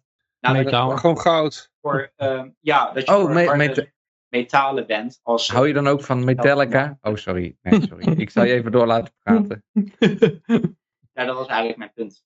En, Voor- ehm, harde metalen ehm, als geldcommodity. Maar de, maar de realiteit van vandaag de dag, hè, want ik ga er dan even verder op in. De realiteit van vandaag de dag is dat wij computers hebben uitgevonden op een gegeven moment. En die hebben voor een technologische vooruitgang gezorgd. Waardoor dat je zou kunnen zeggen van ja, ehm, in hoeverre kan dat mijn realiteit verbeteren? En ik ben het in zekere opzicht ben ik het wel met je eens dat ook bitcoin geen einddoel is. Maar dat het wel een hele belangrijke stap kan zijn om mensen een tastbaar bewijs te overhandigen dat hun geloofsovertuiging waar ze vandaag in vastzitten, zo, zo, zo leg ik het uit, eh, dat die niet de absolute realiteit vertegenwoordigt. En, en, en ik ben dus op zoek om die enorme massa die niet vandaag naar Vrijheid Radio luistert, om die een, een, een, een handreiking te doen, of laten we het anders zeggen, een, een bewijs te leveren dat hun hele leven eigenlijk één grote leugen is. Want dat is mijn conclusie. Daar zitten ze ik- niet op te wachten natuurlijk. Nee, daar zitten ze niet op soort, te eh, wachten. zitten ze niet op te wachten. En dus zeggen ze ja, nee, want bitcoin wordt alleen gebruikt door criminelen. En daar heb je helemaal niks aan, want het is allemaal onzin. En het merendeel gaat daarin mee. En als zij alleen op de triggers van de, van de media kopen en verkopen, dan, dan zijn ze binnen een jaar zijn ze economisch totaal van de, van de kaart geblazen. Maar het heeft wel een eigendomsrecht in zich. En wa- wat, wat heel erg ja, essentieel is voor vrijheid. Ah, Jij moet iets kunnen bezitten wat niet van je afgepakt kan worden om, je, om op die manier jouw vrijheid te realiseren. Bitcoin is daar geen goed middel voor in mijn inzicht. Want Bitcoin is maar een abstractie. Mhm. En uw lichaam, dat is geen abstractie. Dat is een fysiek, eh, fysieke entiteit Ja, die maar uitsluitend van jou is. En wat Maar, je ook zou mijn vra- mijn vraag op dit moment zou zijn: hebben wij nu een gesprek of niet? Ook al zie ik jou niet, ook al zit jij niet bij mij in de kamer. Ik heb een handeling, namelijk ik spreek, jij luistert en, en, en daar zit een computer tussen. Maakt dat het gesprek minder echt? Volgens mij niet. Nee, maar dat is het punt niet. Omdat ehm, jij bent alsnog op dit moment een fysieke entiteit ehm, in de ruimte waar je zelf aanwezig bent. En ik ben dat voor mijzelf. Maar Bitcoin is uitsluitend een abstract iets. En op het moment dat jij technologie eh onder Ik heb aardig goed aan verdiend hoor. Ik bedoel, deze fles. dan is die, jouw eh, Bitcoin weg. Nou ja, inderdaad. En dat, dus, dus mijn fysieke. Mijn fysieke. eh, eh, stel dus dat wij als fysieke eh, units of ehm, humankind. eh, eh, eh, eh, besluiten dat voor ons die Bitcoin een oplossing kan bieden voor een communicatieprobleem. wat we hebben met betrekking tot waardering ten opzichte van elkaar. Dus wij willen elkaar waardering uitspreken. En dat doen we op dit moment met schuldvaluta die door een centrale bank worden gegeven. En daarom kan Bill Gates na twintig jaar elke wetenschapper eh, een miljoen geven, zodat zijn verhaal realiteit wordt. Maar stel nou dat we dus zeggen van mijn fysieke aanwezigheid op deze planeet laat zijn toegevoegde waarde uitdrukken in een bitcoin. Nou, Ja. Blijkbaar niet, want wij, onze lichamen zijn op zichzelf al absolute waarde voor ons eigen leven. Eh, maar wat is precies dan je punt over Bitcoin? Want Nou nee, gewoon, ik ben er gewoon over aan het doorhouden, aan aan het doorkletsen met jou. Want eh, eh, Nou, laat ik zo zeggen, ik, vind, ik vind aan- een interessant aan- verhaal. Ik vind een interessant Ik heb antwoord goed aan bitcoin kunnen verdienen, dus daar heb ik mijn luxe leven aan te danken. ja. Ja, in, in zekere zin, ik leef nu tien jaar zonder bankrekening. Dat was me zonder bitcoin Mhm. ook nooit gelukt, weet je wel. En bijvoorbeeld een Liberland eh, kan ontstaan doordat er eh, met bitcoin een andere manier van financieren mogelijk is geweest. En ehm, nou ja, goed. Het- het- het- kijk, ik ben het in zekere zin eens met het feit dat je zegt, Hugo, bitcoin is bullshit. Want het is ook gewoon bullshit. Ik, ik voorzie dat we over 200 jaar eh, dat probleem van elkaar waarderen, wat geld, waar geld de oplossing voor is, op een andere manier gaan oplossen dan vandaag de dag. En ik geloof dat wij op een dag telepathische krachten hebben die we. Met, maar goed, dat is Oh. mijn, dat is mijn eh, natuurrecht, hè, waar ik in mag geloven. Maar zolang we dat niet kunnen en zolang dat we dus ehm, wel met elkaar willen samenleven, is er een probleem om waardering naar elkaar te communiceren. En, en, en de manier waarop we dat vandaag de dag doen, is met die schuldvaluta die met geweld wordt opgedrongen, waardoor dat heel veel mensen in mijn optiek een verkeerd gevoel van waarde hanteren, omdat ze dus materialistisch zijn ingesteld en weet ik het wat allemaal. Hm. Eh, maar eh, als er iets als een bitcoin voor zich voordoet, is dat volgens mij een reden om ehm, niet de tekorten daarin te zien, maar meer te zien van hoe kunnen we dit naar een hoger plan trekken. En het is niet het einddoel, maar hoe kunnen we het in ons voordeel gebruiken om daarmee ja, dat einddoel wel op een dag te gaan bereiken. Ja, over ehm, even, want ik ben heel erg open-minded over science fiction eh, argumenten en eh, gedachte-experimenten. Dus dat vind ik wel leuk. Maar betreft ehm, ja, Bitcoin als middel, dat zie ik meer als een soort van vlucht, ehm, vluchtmiddel of gedrag. Omdat het probleem op dit moment is geweld. Dus er wordt constant geweld en dwang geïnitieerd. En er wordt een eh, ja, munt op In mijn, gedwongen. in mijn- Goud en zilver is dat toch ook zo? De ontwijking van een bepaald... eh, ja, van, de- als ik het eh, maar eh, dicht bij me heb en in de grond begraaf, dan, dan kan ik mij een beetje tegen die agressie weren. Want Anders zou je het ook gewoon... eh, anders zou je gewoon wel fiat kunnen houden, lijkt mij. Nou, eh, het probleem met de munt op dit moment, daar heeft Spooner bijvoorbeeld ook weer wat over geschreven.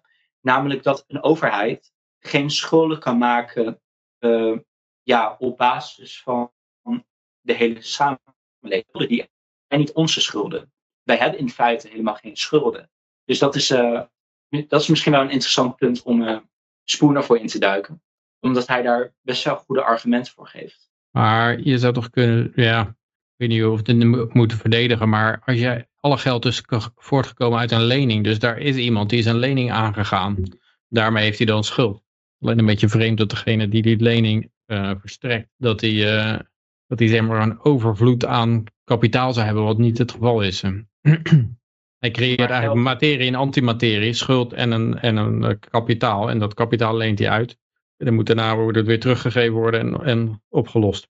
Maar er kan ook heel gemakkelijk een nieuwe geldcommodity eh, ontstaan. Als mensen dat gaan gebruiken als, als geld. Dus op die manier kan je ook het probleem, probleem oplossen. Maar dat moet wel bottom-up gebeuren. Ik wil nog wat Ja. zeggen. Kijk, ik heb hier ook mijn zilveren guldens, dus ik steun jou volledig in jouw eh metallicalism. Ah, Hm. mooi. En ik wilde nog één ding zeggen over mijn eh, voorspelling over. eh, eh, nee, niet teleporteren. Wat, wilde, wat, zei, wat zei ik nou net ervoor? Ik heb mijn pilsje over. Telepathie? Telepathie. En dat, de reden dat ik daar zo in geloof is omdat ik, heel veel, omdat ik verhalen heb gehoord van moeders. waarvan het kind eh, in, een, in een ongeluk terechtkomt. En op dat moment voelt die moeder, ondanks dat ze op een heel andere plek is. dat er iets fout is gegaan met dat kind. En daarmee ondersteun ik mijn eigen theorie dat we op een dag telepathische krachten kunnen, kunnen beoefenen. Maar goed, ja, goed. Oké.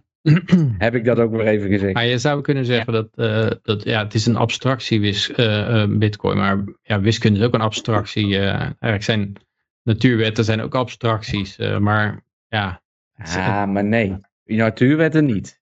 nou, de wetten zelf zijn wel abstracties. Het gaat alleen over wat concreets, maar ja, dat kan je met wiskunde ook zeggen. Maar ja, dan zou je dat ook door kunnen trekken naar bitcoin. Nou, maar het verschil tussen wiskunde en bitcoin is dat wiskunde 2 plus 2 is 5. En dat is zo. Bitcoin is een economie, als ik het maar even zo uit mag leggen.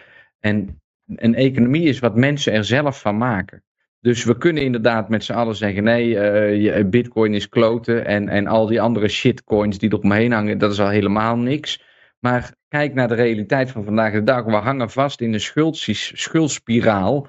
die alleen maar groter wordt. Waardoor dat er ontzettend veel geweld vereist wordt. om dat maar als realiteit aan te houden.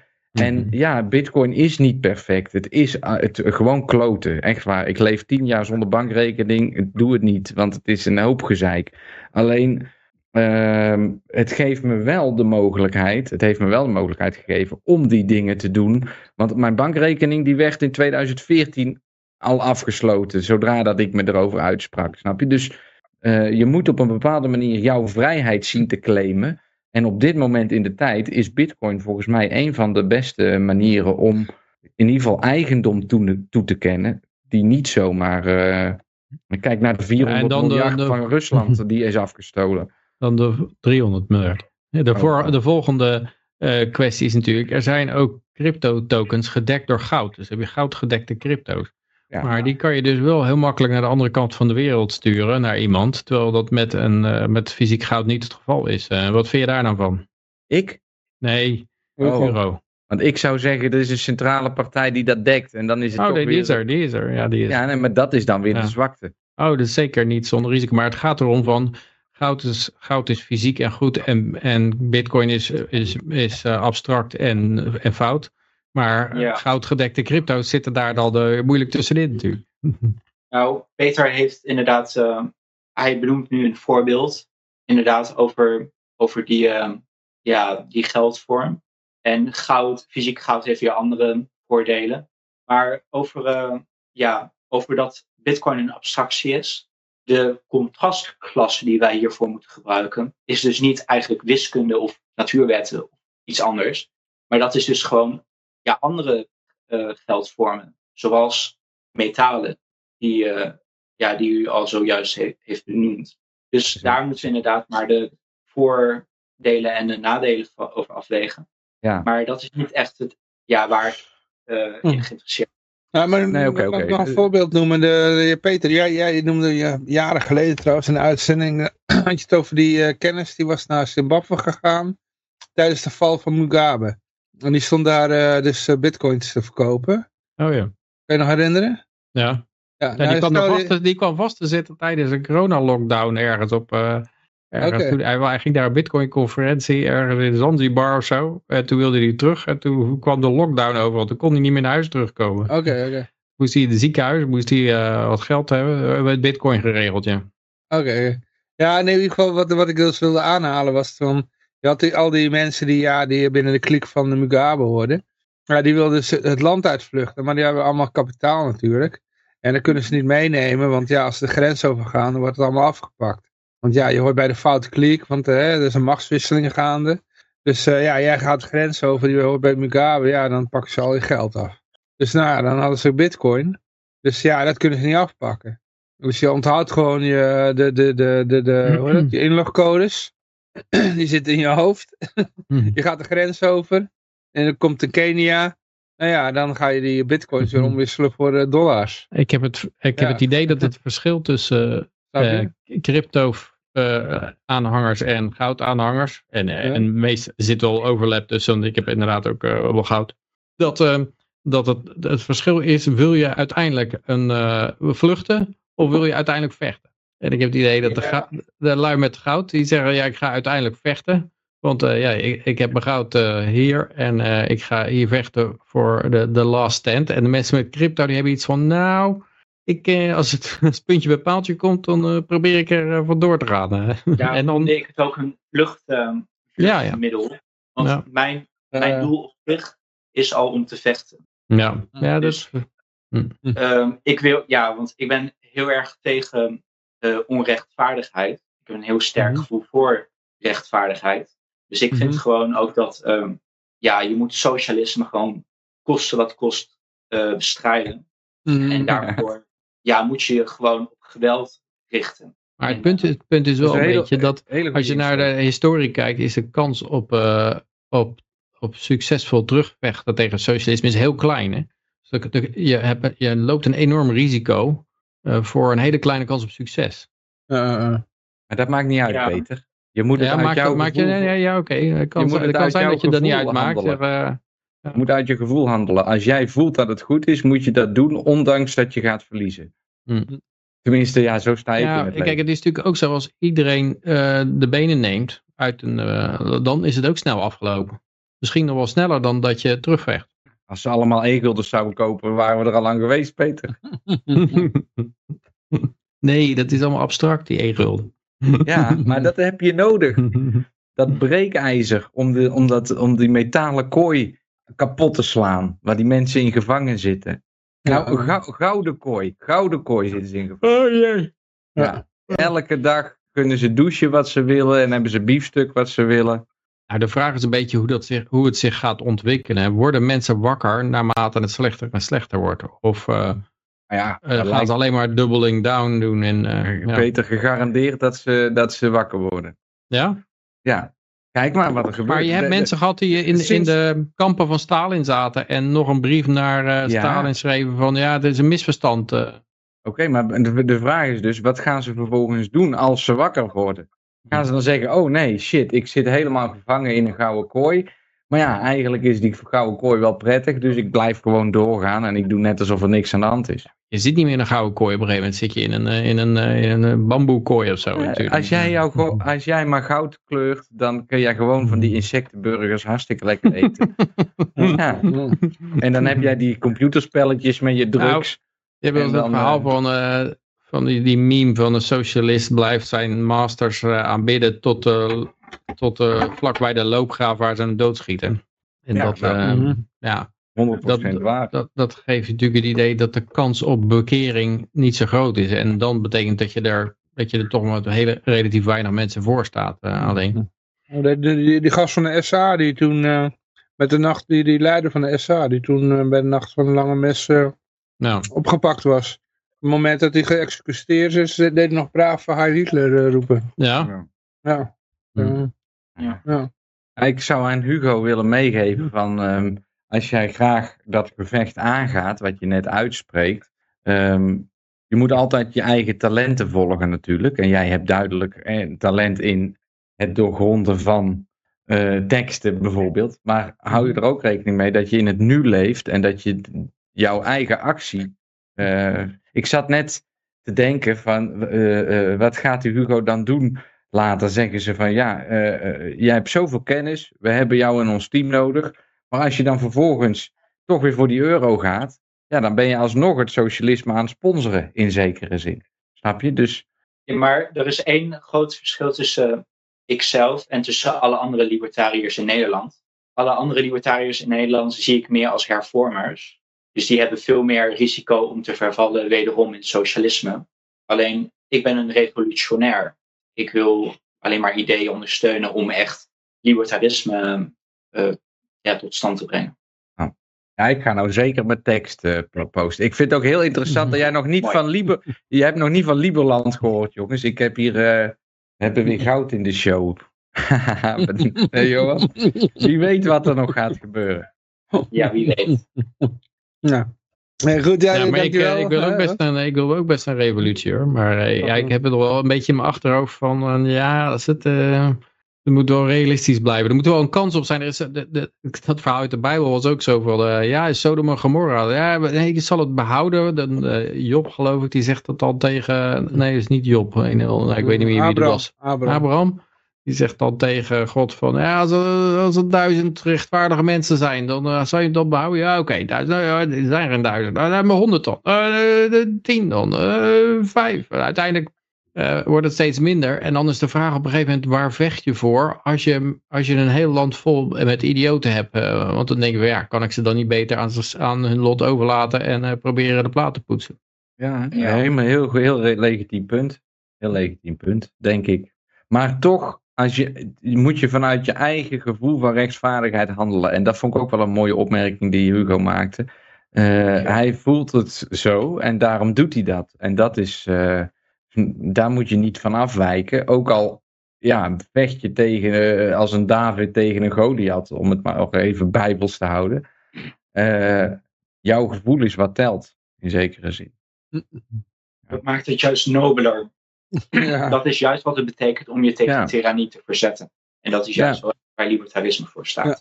Ik, ik zelf ben wel begonnen een beetje als revolutionair. En misschien is het nog steeds wel wat ik doe. Alleen ik benoem het niet meer als zodanig. Want revolutie houdt in dat er geweld plaatsvindt. En volgens En mij is dat niet revolutie, nodig. revolutie houdt ook in dat je een on- omwenteling maakt. En dat je gewoon weer terugkomt bij waar je was. eh, dat Ja, je oké. een- weer een nieuwe heerser hebt. Ik ben ook Voor mij- voor geweld. Ja, ik wel een beetje. Ik, ik zie het niet als de oplossing. Want dan ben je uiteindelijk net zo slecht. Je moet met jouw argumenten die andere mensen kunnen overtuigen van jouw gelijk. En dat is de truc. En daar kun je een geweer voor gebruiken. Maar dat, ja, dat, dan ga je tegen iemand vechten die het monopolie op geweld de afgelopen honderd jaar in bezit heeft gehad. En dat, dat schiet ook niet op. Maar voor Denk libertarisme is er een verschil tussen het rechtmatig gebruiken van geweld en het onrechtmatig gebruiken van geweld. En wanneer eh, het non-agressieprincipe wordt overschreden, dan heb jij het recht op zelfverdediging. En dan ben mag jij de andere schade berokkenen. Maar je moet, Ja, maar je moet ook slim de- vechten. Je moet slim vechten. En, en, en de, de- deze overheden over heel de wereld, er- zonder enige uitzondering, ik noem ze allemaal terroristische organisaties, hun hele bestaan hangt vast aan geweld. Dus dat is hun, hun eh, hoe zeg je dat? Hun, hun, hun, waarin ze in uitblinken. Dus ja, Nou, ik probeer vind dan. ons, ik vind, nou in ieder geval van mijzelf, geweld is een heel menselijk, ehm, ja, we, een, ehm, ja, Ja, ja oké, daar heb je ook weer een punt. Het punt is, je kan ja. ervoor kiezen om slaaf te zijn, of je kan ervoor kiezen om ehm, jezelf te verdedigen. En daar komt geweld bij kijken. En dat is nou eenmaal zo. En je kan daarvoor kiezen of niet. Nou, als Ja. je er niet voor kiest, dan laat jij de macht bij anderen. En als je er wel voor kiest, dan eh, kun je vrij zijn, of je kan inderdaad ehm, niet vrij zijn. Ja, ja het maar de- de- de- dat zij daarin gespecialiseerd zijn. En dat je dat bijna. Dat ze, ze, ze zitten er bijna op te wachten volgens mij. Dat ze, Zeker. Ze, zitten- ze zitten Nou, de bevolking zo te, te porren dat ze, ze hopen op een opstand, want dan kunnen ze erop timmeren. Het is een beetje een val- degene vals die- vlekachtig idee. Degene die moeten uitvoeren, dat zijn ook mensen. hè. Dat moet je ook niet vergeten. Dus, Ja, die gaan, lekker helemaal wappie, wel, die gaan lekker wappie rammen. Die kan- stormen de politiebus uit om, eh om de wappies Nee, maar je te ziet, je ziet in de geschiedenis zie je wel altijd dat mensen die hun eigen huis en haard verdedigen, eh, altijd eh, eerder winnen dan degene die zeg maar eh, komen, binnenkomen en veroveren. En die moeten Ja, daarna mits zeg maar datgene wat ze veroverd hebben, moeten ze ook nog zien te behouden. En dat is vaak Hmm. Het breekpunt van, eh, want dat kunnen ze niet. Ja, maar oké, ben je in. Afghanistan ben je 20 jaar verder natuurlijk, of in Ja, Irak precies. 30 jaar verder. En dan uiteindelijk, Ja. eh, dat is natuurlijk het uiteindelijk wel zo. Die Vietnamese reisboeren, die hebben ook gewonnen van, eh, van Ja, Amerikanen. Dus, eh, Ik weet niet, in Gaza gaan ze het geloof ik niet redden. nee, jouw nou, strategie.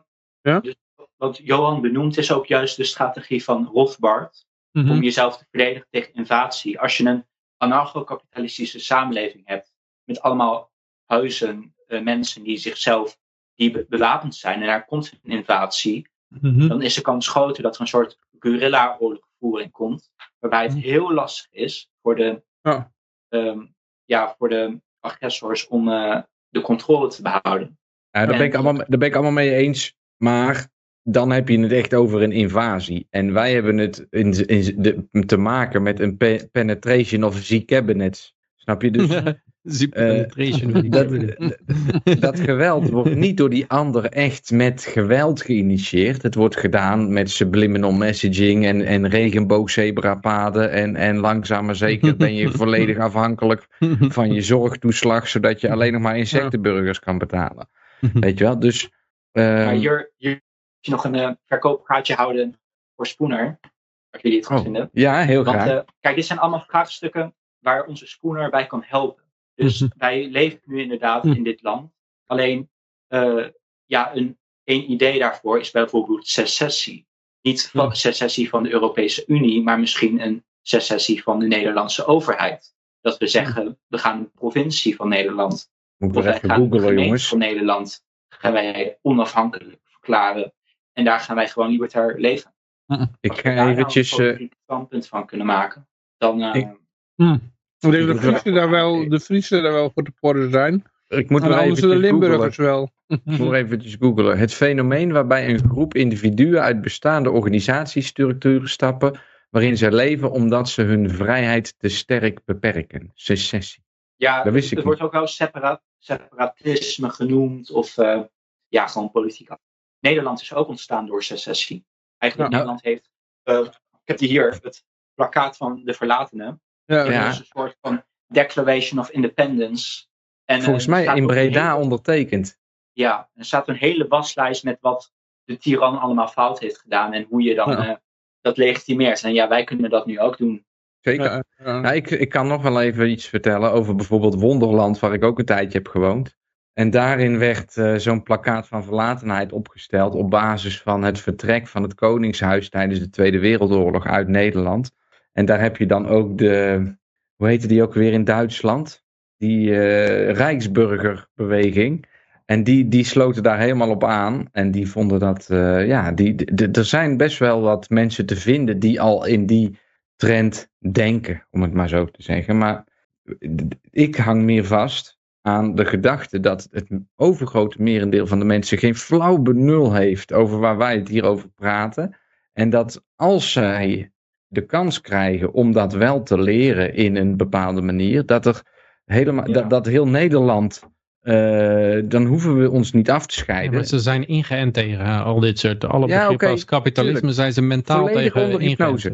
En dat gaan we dus niet in één generatie voor elkaar krijgen. En daar, maar daarom is het juist van belang om niet in jouw jonge jaren, dat je vol van eh, testosteron alles wil doen wat je maar kan bedenken, niet naar dat wapen toe grijpen. Want daarmee blaas je het dan voor die periode van 20 jaar later, blaas je het wel op. Je moet het kunnen blijven incasseren. Kijk maar naar, eh, hoe heet die ook alweer, van Houwelingen van de, van de FVD, die, die, die probeerde een vraag te stellen aan Rutte eh, de afgelopen 24 uur. En je, je moet gewoon accepteren dat, het in de, dat dit een, een, een, een beweging is die over een grote periode van tijd eh, plaatsvindt. En dat het dus de afgelopen 50 jaar, toen wij allemaal nog niet geboren waren, eh, al, al helemaal begonnen is op waar we nu zijn uitgekomen. En dat waar we dus nu mee bezig zijn, ook niet in één avond zomaar eh, veranderd wordt. Daar, daar gaat ook een hele lange periode weer overheen, want het zijn gewoon grote bewegingen. En laat jezelf niet uit de tent lokken om, om boos te worden op het onbegrip van iemand anders. Op want die hebben gewoon niet die boeken gelezen die Hugo heeft gelezen. En die heb ik ook niet gelezen overigens. Maar Maar die Eh. potentie wil ik ook zeker niet wekken hoor, om naar het wapen te grijpen. Maar het is wel mijn tip om bijvoorbeeld illegaal vuurwapens aan te schaffen. Bijvoorbeeld om wel Altijd Ehm, handig. politieke macht op te Ja. bouwen voor Ja. inderdaad in de toekomst. Nou, daar ben ik het in zekere zin ook weer mee eens. Ja. Alleen, ik zeg dan op mijn beurt, over twee weken hebben we de Digital Services Act van de EU, die is van kracht. En Ja. als, we, als we deze podcast willen behouden, dan, kunnen, dan kan dat niet op die manier zo uitgesproken meer worden of vanaf dat moment. En dan moet je dus daarmee akkoord gaan en dan moet je zeggen van oké, eh, we hebben dus wederom een kleine slag verloren. Maar, die, maar, maar het, de oorlog is nog steeds aan de gang. En, en, en die, eh, ja, nogmaals, voor mij is een revolutie, staat dan gelijk aan, aan dat er een vorm van geweld is. Volgens mij hebben we met kennis meer dan genoeg in huis om het eh, klusje te klaren. Daarom heb wel het idee- Nederland ook eerst een eh, voedingsbodem creëren voor het libertarisme. En Hmm. daar gaat mijn eerdere werk, dus eh, ja, daar besteed ik alle aandacht aan. Om het libertarisme door die cursussen te verspreiden. Nou, nog één ding wil ik zeggen, Ja. voordat we naar het bericht gaan. Ik ga die link doorsturen van mijn tekst die ik vandaag als eh, eindig heb eh, verklaard. Daar ben ik nou, eh, En als jij, Hugo, daar een leuk antwoord op wil geven, die ik vervolgens op mijn blog mag posten, dan betaal ik jou, maar wel met bitcoin, om zo'n artikel te schrijven. Dus daar moet je dan mee akkoord gaan. Kan hij wel het mag ook, het dus, eh, mag ook met e-guldens. Crypto. Maar ik, nee, want ik kan namelijk geen goud op de post doen vanaf hier, want die verdwijnen, die pakketjes. Ja, maar je kan wel een crypto, gedekte goud. Ja, Ja, ja, ja. Ik kan wel, eh, ik kan wel Hugo, even naar hem sturen en dan ga hij het weer omruilen voor eh, goud. Als jij crypto gedekt goud wil, dan vind ik dat ook goed, maar dan komen de handelingsfees en alle transactiekosten op jouw rekening. Blijft er niet Eh, veel over. Maar eh, eh, eh, Mhm. laat ik dat dan nog eventjes erop toevoegen. Want ik vind Hugo een hele leuke, leuke gast eigenlijk. Want ik ben dus zelf helemaal niet theoretisch en al die doet me allemaal niks. Ik vernoem mezelf, maar ik, ik zie wel in hoe eh, het nodig is om, om aansluiting te vinden op al die mensen die hele dagen over de theorie door aan het denken zijn. Nee, Ja. we, we hebben, we hebben dus, en dat is dus ook weer mijn punt met Bitcoin, dat ik toch blij ben dat ik daarover begonnen ben. eh. Nou goed, het, het, het gaat erom wat we in de praktijk doen nu. En dus we kunnen erover praten, je kan er een boek over schrijven, eh, of, of, maar, maar hoe wij onze economie indelen, heeft het grootste impact op de realiteit van vandaag de dag. En daarom blijf ik altijd maar weer hameren op dat crypto geld. En dat kan een bitcoin zijn, dat kunnen duizenden andere munten zijn.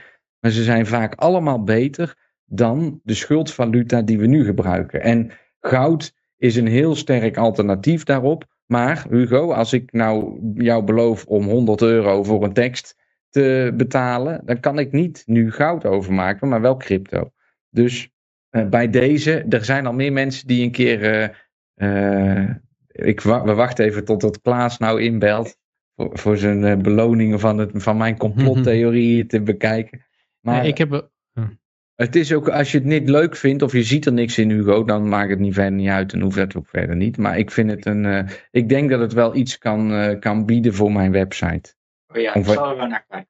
Ja, om, om gewoon een reactie op mijn schrijven of gewoon vanuit jezelf eh, jouw interpretatie van wat je net gelezen hebt te krijgen.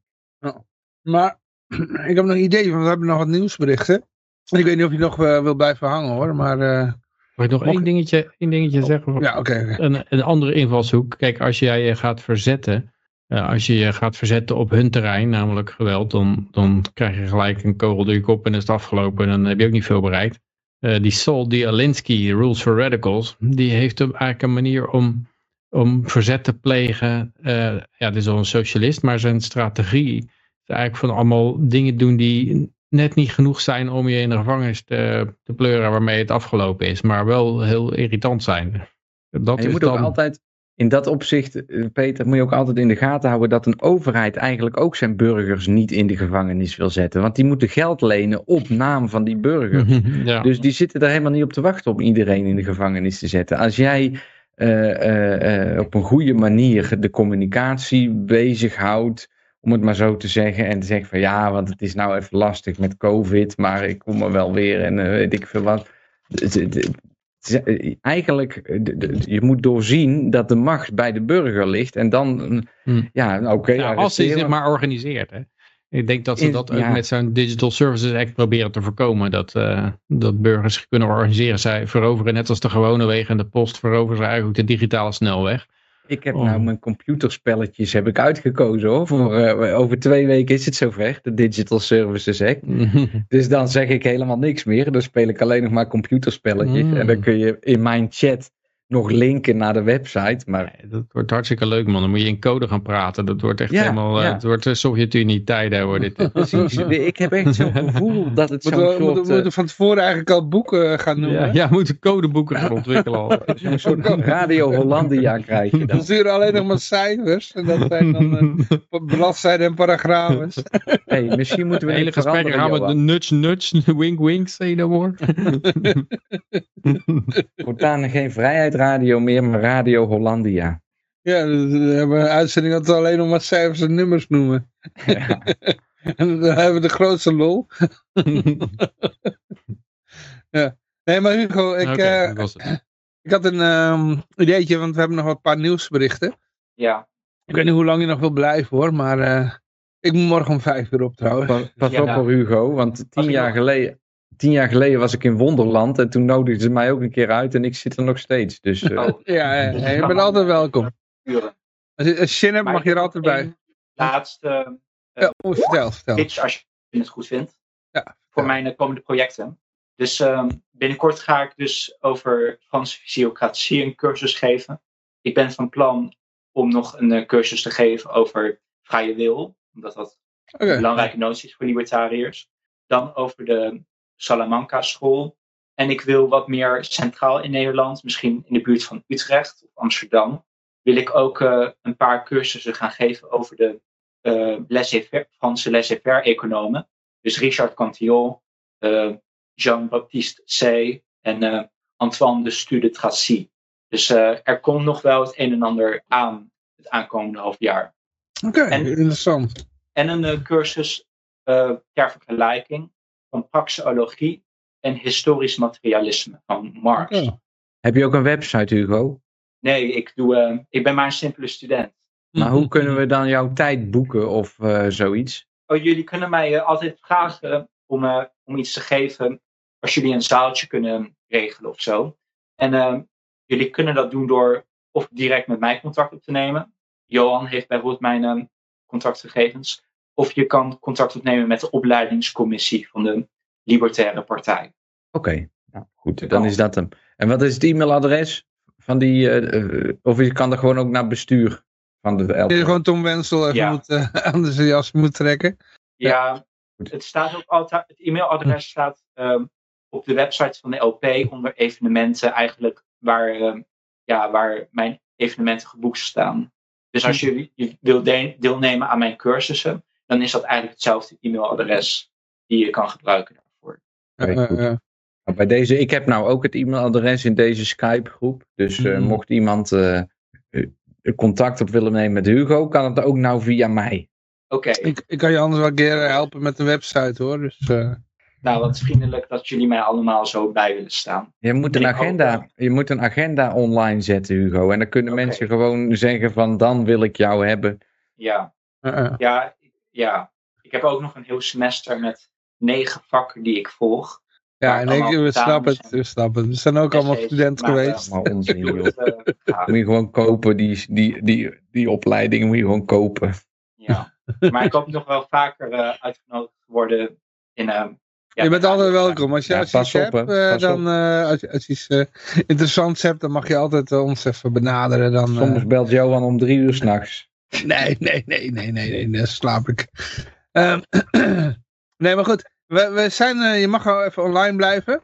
Eh, de bij, ons eh, blijft bedoel ik. Ehm, we gaan nu even nog wat nieuwsberichten doen. En misschien wel leuk, dat, dat, dat leek me wel grappig. Dat jij af en toe vertelt van wat zou Lisander Spoen hierover zeggen. Nou, dan Dus, denk ik dat ik eh, toch wel eventjes eh, mij weer terug ga trekken. Oké, oké. Eh, We moeten er ook in no tempo ja, doorheen. Zeg je? Nou, omdat ik eh, ook nog met een boek bezig ben. Oh, En, oké, ja. Nee, prima. Hartstikke goed. Ja. Nee, we snappen het, we snappen het. Nee, in ieder geval leuk Johan dat je erbij was. Wij hebben toch alleen maar nu.nl berichten deze week. Dus allemaal, Die gaan allemaal juist-. Heel veel AD. Extra snel. Heel veel AD. Zo, eh, ja, goed. Ja. Nee, maar dankjewel eh, Hugo, leuk dat je erbij was. Dan eh, Ja. ja. heel Ja, erg, succes nog eh, met al je ja. boeken. En Jo. eh, tot de volgende keer. Oké. Ik, heb mijn, ik heb mijn tekst ja. in de, in de Skype-chat gezet, Hugo. Als je het kan zien. Ik zal er zo eh, even naar kijken. Ja, oké. Maar fijne avond, heren. Yo. Hoi, hoi. Hoi. Oké, doei. Doei, doei. Nou, leuk we- Johan. Heb je weer Ja. goed geregeld. Ja, dat is interessant toch? Ja. Ja. Ja, en ik ken eh hier Lisanne Spoenen. We hebben volgens mij ook al vaak eh, aangehaald hier. Dus eh, Ik hoop dat ik een beetje kan triggeren met mijn energie. Volgens mij zit, een, eh, zit er nog wel wat in. Maar we gaan eerst even het eerste berichtje. eh, we hadden het eigenlijk al genoemd. Dat is de demonstratie tegen de nieuwe parkeerplannen van eh, de Amersfoort. Eh, En dat is dus ja. Ik zal even één keertje halen. Dat is morgen dus. Raadhuisplein om vier uur in Amersfoort. Dan ja, er staat Tom Lamoen met zijn grote baard. En ja, dus, al een paar honderd man hebben zich aangemeld. Maar dat is natuurlijk niet genoeg. Dus eh, als je zoiets hebt van, ja, potverdorie, dit moeten ze niet zomaar kunnen doen. En ja, eh, kom erbij. Ja. En Als daarna, hij, net zo, als hij net zo enthousiast over de e-gulden als over de bitcoin zou praten, dan zou ik iedereen die opkomt draven een e-gulden beloven. Maar eh, eh, dat kwartje wil nog niet vallen. nee, nee, nee. Hoeveel is de ego nu? Een kwartje. Oké. Ja, ja, ja. 30 cent. Oh, Oké, ja, ja. Nee, ja, goed, ja. ehm, eh, volgende bericht dan maar, hè. Dus eh, ja, het is in ieder geval genoemd. Eh, ik, ben er morgen ook. Ik denk niet dat ik exact om vier uur er ben. Ik kom uit mijn werk fietsen, dus ik ben half vijf, denk ik. Maar goed. Ehm, even kijken. kabinet wil van alles. Kabinet wil bij jou thuis wasmachine uitzetten. Nare smaak van in mijn mond. Nou ja, dat eh, kwam onder, eh, onder, onlangs kwam eh, onze minister Rob Jetten, demissionair minister, die kwam ermee van ja, stroomnet zit vol. Dat gaat ook de gewone huishoudens raken. Ja, Ja, wat we moeten doen is, is het, ja, als het stroomnet vol dreigt te raken, dat ze op afstand jouw apparaten kunnen uitzetten. Je warmtepomp en je laadpaal en zo. Nou, wacht even, want dat kunnen ze al, maar dat ze de autoriteit ertoe krijgen. Ja, Om het te doen. nou kunnen ze al. Ja, met die smartmeters, bijna zeker. Dat, Maar ik dan denk kunnen ze wel. je hele elektriciteit uitzetten. Ja, ja, ja, Daarom moet je geen smart meter Niet alleen nemen. van, nou, oh, er staan twee V's aan. Zet er één uit. Nee, precies. precies. Ja, dat is ik een van denk de dat dat- redenen. Daarom moet je geen smart meter willen nemen. Dus, eh, ja, dan, ja, eh, ik had ja. toen een sociale huurwoning, dan heb je geen keus. Mhm. Jij bent niet, toch niet eigenaar van het pand. Maar dit zijn ook dingen die nog niet zo lang geleden was dat eh, mensen die bijvoorbeeld zijn smart meter niet wilden. Dat waren conspiracy eh, nuts en die waren gekke Ja. verhuur. Want eh net zoiets als ja, hele Ja. klimaat, klimaatverandering verhaal. Dat heeft niks met een winstmodel van belastingheffen te maken en zo. En voor je Weet weet, boom, het is echt twee jaar later. En, en ook niemand die dan zegt van, goh, misschien moeten we toch eens wat beter luisteren naar al die mensen die, die een aluminium hoedje op hebben. Want. Die realiteit is zo hard aan het instorten, Peter. Dat duurt geen twaalf maanden meer. Echt niet.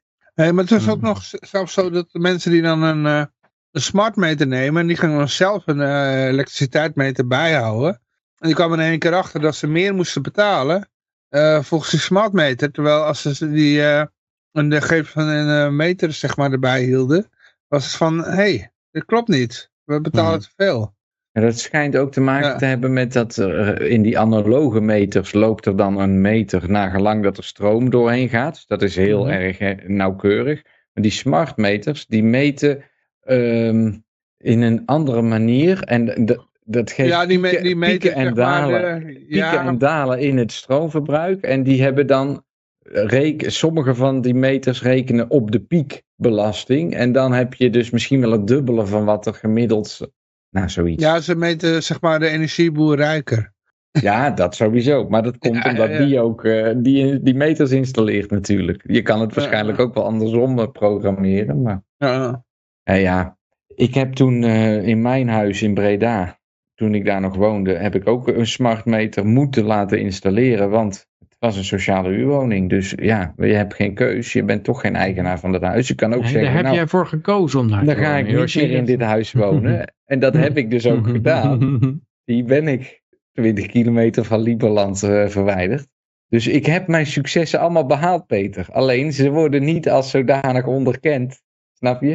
Ze Mhm. zeggen van ja, nee, want nou woont die Joosje niet meer in Breda. Dus moet je kijken hoe zielig dat hij is in zijn, in zijn eh, verrotte hu- huis in Servië.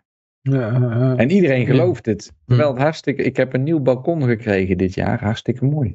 Maar het is wel, eh, het is wel, wel triest als je straks iedereen op de warmtepomp over en de elektrische auto. En dan komt eh Rob Jetten. en zegt, Oh nee, sorry, stroomnet. En er waren onlangs ook eh, deze week enorme stroomstoringen in Amsterdam tot twee keer toe. rond Utrecht de REG van de treinen. Eh, Ja. Ja, eh, Nou, ik zit eh, even te kijken naar de naam van die jongen op Facebook. Want die schreef toen in de zomer: Ik ben nou mijn elektrische auto gauw aan het opladen, want daar krijg ik geld toe. Eh, Ja, ja. Die had dus zonnepanelen Hmm. geïnstalleerd. En ook de prijs van energie gaat dan in de zomer kan die negatief dalen, omdat Ja. dan ineens iedereen levert. Dus Ja. dat gaat nog een. Dat gaat Oh, maar nu ook. Ik heb een collega die heeft, eh, die kon vannacht gratis auto's opladen. Ja, nou en, en dan moet je dus inderdaad snel je auto opladen. En als je daarop zit te kijken, kun je daar heel veel op verdienen. Maar als jij denkt ongestoord van je leven te kunnen genieten en je klept er een paar zonnepanelen op, Nou, dan, ah, ah, dat telt dus niet, want dan gaat je ontzettend veel geld kosten met die variabele prijzen. En op het moment dat het wat oplevert, want dan schijnt overal de zon, dus dan levert het niks meer op. Hm. En ja, nou. Maar kan je zonnepaneel niet zomaar gewoon even uitzetten of zo? Van, eh, Ja, maar dat moet je dan ook doen, Oké. economisch gezien. Ja, ik weet niet of dat kan. Ik heb geen zon zonnepanelen. hè, Dus. Ja, je kan Je volgens kan mij elke altijd die elektrisch schakelaar. circuit onderbreken. Ja, je kan altijd de schakelaar. Ja, of zet er gewoon een paar computers op met allemaal Monero miners. Ja, nou precies. Op dat moment Ja. moet jij dus Monero's gaan minen, want dan is de prijs. Die- Precies, dat is, is dat zou ik negatief. doen. eh. Ja, Oké, dus je moet, het- eh, ASIC miner, huppakee. Je moet zo'n zeecontainer vol met rigs. Heel veel zon, hartstikke idee. Ik zet mijn miner aan. En dan, en dan maar één week in het jaar ga jij minen. Want dan. Als dat in één keer dus één container met miners staat loeien. Dat is ook niet zo rendabel. Er is een heleboel kapitaal vast in miners die, die niet de hele tijd draaien. Nee, maar op het moment dat de zon is. Ja, inderdaad, s'nachts dan, eh, dan niet, hè. Ja, dan moet je enorm batterijen hebben. Dan gaan ze s'nachts verder minen. Hm. Het wordt steeds duurdere installatie. Ja, eh, Maar verwarming heb je niet meer nodig, denk ik. nee, nee, nee. Oh, en die, die hitte kan je ook, nog- moet je er ook nog ergens opslaan of zo. Nee, maar goed, ja. Volgende bericht, eh, briefje in de broodtrommel van je kind als je eh, jam op het brood zit. Briefje in de Eh, broodtrommel. Van je kind als er jam op het ouders? brood zit. Ook ouders moeten worden opgevoed. Oh, wie Ja. heeft dit gepost? Dit heb ik niet... eh, Nee, die had ik gepost. Die kwam ik ergens tegen. Ik denk, wat wat de fuck is dit? Ja. Een gevulde koek of een mars in de schooltas, dat kan echt niet meer. Maar hoe ver ga je... waarom, als- waarom zou dat niet meer kunnen? Ik bedoel, dat is toch normaal? Het moeten allemaal kiwis en appels zijn. eh. Maar hoe ver ga je als de basisschool in het simuleren van gezond eten? Eh, als, er, Ah. als er een wit in plaats van bruin broodbolletje in de broodtommel zit, dan krijg je een briefje terug als ouder dat dat echt anders moet. Nou, ik heb het ook een keer eh, gehad. eh, Ja, de, de kleine, dat, eh, ja, die had alleen br- brood, die houdt, die houdt niet van beleg. Die wil alleen brood, brood hebben. ja. Mag niks op zitten. En toen werd er, ja, er, moet, er kan wel wat, het, meer dan alleen een kaal broodje of zo. ja, dat wilde die eten. dus, maar ja, kennelijk houden ze dat ook allemaal in de gaten. Dat zien ze ook als hun, ja, ik, ja, op zich kan ik me wel voorstellen als je kind heel erg ongezond ziet eten, dan eh, dat je, ja, dat je dat, eh, dat is natuurlijk nadelig later voor. Maar ja, dat is staatsonderwijs ook. Ja, maar je weet ook het verhaal niet, hè, daarachter. Dus eh als je een van de autistische kind hebt dat echt alleen maar eh Hm, komkommer wil eten of zo. ja, maar één ding. Ja. Hm. Ja, wat moet je dan doen? Ja, dat is wat hij wil. Maar goed, ja, is het... eh zit hier nog een overheidsgedachte echt- achter? Als het echt opvalt dat een kind iets ongezond eet, een croissant bijvoorbeeld, dan spreken we het kind aan. Is een croissant, is dat dan eh, bijzonder ongezond? Ja, klaarblijkelijk. Er zit geen vezels in. Nou ja, het is natuurlijk ongezond in de zin dat het, dat het brood en graan is of zo, maar eh, heel veel roomboter. Het is toch niet ongezonder dan een boterham met, met jam of zo? Maar een boterham met jam is ook. Maar een bruine boterham met jam in plaats van kaas is niet meteen reden om op te treden. Ja, maar inderdaad is het door wel weer gepoliceerd op je kind, hè? ja, het, het doet een beetje denken aan jouw Ja. kind is ons eigendom. hè? Ja, eh. Hm. Dus ja, het is inderdaad wel een betutteling weer van de, van de overheid, ja. Tenminste, zit er overheidsdwang achter? Of is het nog uh, ja, de, de voorloper ervan? Dus, uh, de basisschool heeft Sylvester Bernadette in Helmond Oost heeft iets uh, bedacht. Uh, zonder okay. boterham en eventueel snack, groente of fruit. Geen koek, geen snoep. Dus het ja, is nog niet uh, landelijk ingevoerd. Maar, uh, Laat het even uitleggen aan je autistische kind, ja. Hmm. Die waarschijnlijk autistisch geworden is van al die, die, uh, van, van, van, die, al die prikkies. Uh, met al het quicker in, ja. Ik ben zo terug, ik ben zo terug. Ja. Maar dan hebben we nog de daklozen, want de overheid die geeft zoveel om je. Ja, inderdaad, in, in Breda. Een dakloos in Breda krijgt 500 euro boete omdat hij buiten slaat. Hij krijgt wat, hè? Dat is ook wel okay, mooi. Altijd, cadeau. altijd de taal gebruiken. je blij mee? ja.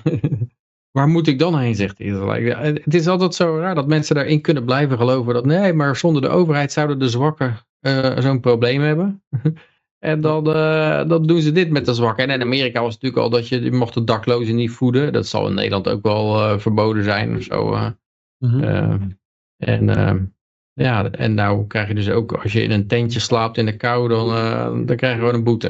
En dat betekent ook, uh, las ik, dat, dat je uiteindelijk het probleem krijgt dat eh, hij kan niet betalen. Ja. Eh, dus, eh, maar dat betekent dat als hij weer online kan gaan of zo, hij krijgt een baan, dan is het gelijk ching, up, eh, eerste, eerste gelijk beslaglegging. eh. dat, dat motiveert ook niet echt om, eh, Nee, om, je blijft de rest van zijn leven eh, dakloos, ja. om je leven weer op te pakken. Mhm. Hey, ik ken, ik ken eh, ja goed, ja. Servië verhuizen, denk ik dan maar. Gewoon doen. ja. eh, Ja, beter dan Liberland hoor, dat kan ik wel Mhm. vertellen. nou, ik ken, Ja, eh, ik weet niet waar het over ging. Ja, en dan, zijn het, en dan daklozen. krijg je weer, staat hier ook wel, als je zo hufterig met mensen omgaat, moet je niet raar opkijken als mensen jou ook niet fatsoenlijk behandelen. En dan krijg je weer met het geweld naar hulpverleners toe, dat, dat die overheid en, en de media ook altijd gelijk van, oh jee, een hulpverlener wordt met eh, geweld benaderd. Zo, ja, als, als de hulpverleners dit soort eh, reputatie hebben van eh, boetes uitdelen aan daklozen, eh, en, en daarmee gewoon hun, eh, hun terugkomst helemaal onmogelijk maken. Ja, dan, eh, dan, dan, eh, dan zet je ook geen slechte voorbeeld natuurlijk. Ik, ik benoem bij deze Breda als het eh, San Francisco van eh, ja, Nederland. Ja, ja. Ja. Nee, maar ik, ik ken in, in zoverre die mensen, ja, ik, eh, op straat kom je ze altijd wel tegen. Had er wel eens een keertje aangesproken door iemand die, eh, eh, die een eurotje wil voor de slaapplaats. En dan zeg ik, eh, accepteer je ook bitcoin, zeg ik altijd voor de gein. En we, bij ons hadden we, ja, dat heb ik volgens mij vorige keer ook verteld. We hebben er eentje die had ik er tien jaar geleden al aangesproken. Van, eh, die, nee, die sprak mij aan. Van, eh, heb je een, een eurotje voor de slaapplaats? En toen zei ik, eh, accepteer je ook bitcoin. En die, eh, ja, die kom ik Mhm. ieder jaar kom ik hem wel een paar keer tegen. En eh, elke keer zeg ik hetzelfde. eh, Accepteer je ook bitcoin? En dan, dan loopt hij weg. Maar ja, toen sprak ik hem weer aan. En accepteer je ook bitcoin? Dus, bit- bitcoin zeg ik dan. Hij wel. eh. Ik zeg, nou, ik heb dat volgens mij tien jaar geleden ook tegen jou gezegd. Als je dat had aangenomen, had je nu 40.000 euro gehad. Nee, hij had hij te lang uitgegeven aan drugs in de tussentijd. Ja, tuurlijk. Maakt niet uit. tuurlijk. Maakt niet uit. Je Misschien had hij er wel een miljoen van gemaakt. moet zeggen, Maar had je, zit- zit- had je nu tien jaar later 40.000 aan drugs gehad? Oh ja. oh, oh. Maar dan kijkt hij me zo aan. Dan kijkt hij me zo aan. Eh, nee, doen we toch maar een euro. Ja, ja, ja. Zeg Ik ik, nou, dat, is de reden, dat is de reden dat jij zo arm bent, zeg ik dan. moet je de volgende keer bij een, eh, filmen, Johan. En dan zeg je 1 euro of 1 bitcoin, zeg je dan. Ja. 1 euro of 1 bitcoin. En als hij dan zegt 1 euro, dan denk ik, oké. Ja, maar dat is een figuur van... eh, die zegt gewoon, nou, doe maar een euro. Ja, dat is de reden dat je zo arm bent. Je wel? Ja. Nee, maar ja, goed, ja, dus... eh, nee, maar ik, ik, ik, ik spreek die gasten dan wel eens, die, die, die mensen uit die, eh, aan, aan de onderkant van de samenleving. En dan, ja... Ja, die komen Snap bij je gelijk waarom ze aan de onderkant van de samenleving zitten? Ja, ja, ik snap het ook wel. Ja, Hoor. want Dus, de- het is pas de onderkant van de samenleving als ze bij jou over de vloer zijn geweest. Dus, eh, er was nog hoop. Er was nog hoop voor die mensen, maar toen gingen ze bij jou om en toen was het de onderkant.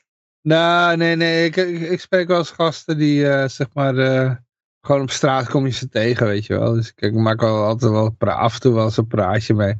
Maar het is, eh, ja, ja, ik- eh, er zitten ook wel figuren bij. Ik heb één keer zo'n gast, die, die, die sprak ik dan, die eh, stond ook zo te bedelen met zijn straatkrant. En dan eh nou, maak ik een praatje met hem. En die, die had van... Wat die kost die tegenwoordig, die straatkrant? geen Wat idee eigenlijk. Ik, ik heb er nooit eentje gekocht. Maar die had, die had ook ergens een heel verhaal. En dan, dan snap je hem ook wel. Van die, die in zo'n systeem terechtgekomen van de overheid. Dat door de overheid gefaciliteerd wordt.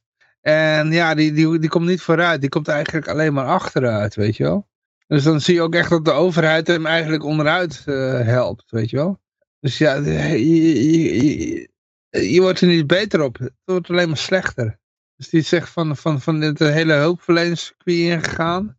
En ja, die zit, eh, uiteindelijk eh, kan hij nergens meer naartoe. En dan is hij gewoon, eh, ja, had zoiets van, nou, laat ik me uitschrijven uit de GWA. En dan hoef ik mijn schulden niet te betalen. En dan ja, ga ik maar op straat zitten bedelen. En dat is dan beter dan wat de overheid mij te bieden heeft. Ja, Is dat die man uit Breda, die dakloze, die 500 euro nou, het zou zomaar kunnen. Zou, zou hem zomaar kunnen zijn. Ja. Had hij ook, want dan vraag ik me af, had hij ook die 500 euro boete meegerekend in zijn eh bedrijf? Ja, maar ja, goed, hij heeft geen geld. Dus ja, dan, dan krijgt hij die boete. Ja, want eh, die gaat hij nooit betalen. Nee, precies. Ja, dat is een hele goeie. Dat is een hele Ja, goeie. die gaat hij nooit betalen. Natuurlijk niet. Hij heeft dat geld niet. Maar zo gaan er heel veel in Nederland binnenkort onderuit, Johan. Echt waar. Ja, eh. ja, maar goed, ik zou zeggen, als je, als je luistert, ga, ga eens gewoon met die mensen praten, hoor een verhaal aan. Ja. Ja. Nou, het hier- bij- bijna 90% van de kans is de getuigenis tegen de overheid.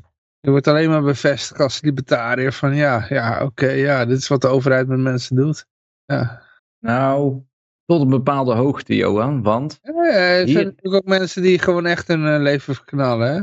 hier in de straat komen ze iedere dag ook eh, uit de vuilnisbakken eten. Oké, En, en of tenminste, ja, de laatste tijd is het wel minder. Eh, maar er gebeurt hier eh, heel, dat is helemaal niet zo heel gek. En ehm, Eh, eh, dan, dan slaat het op een gegeven moment wel om. Oké.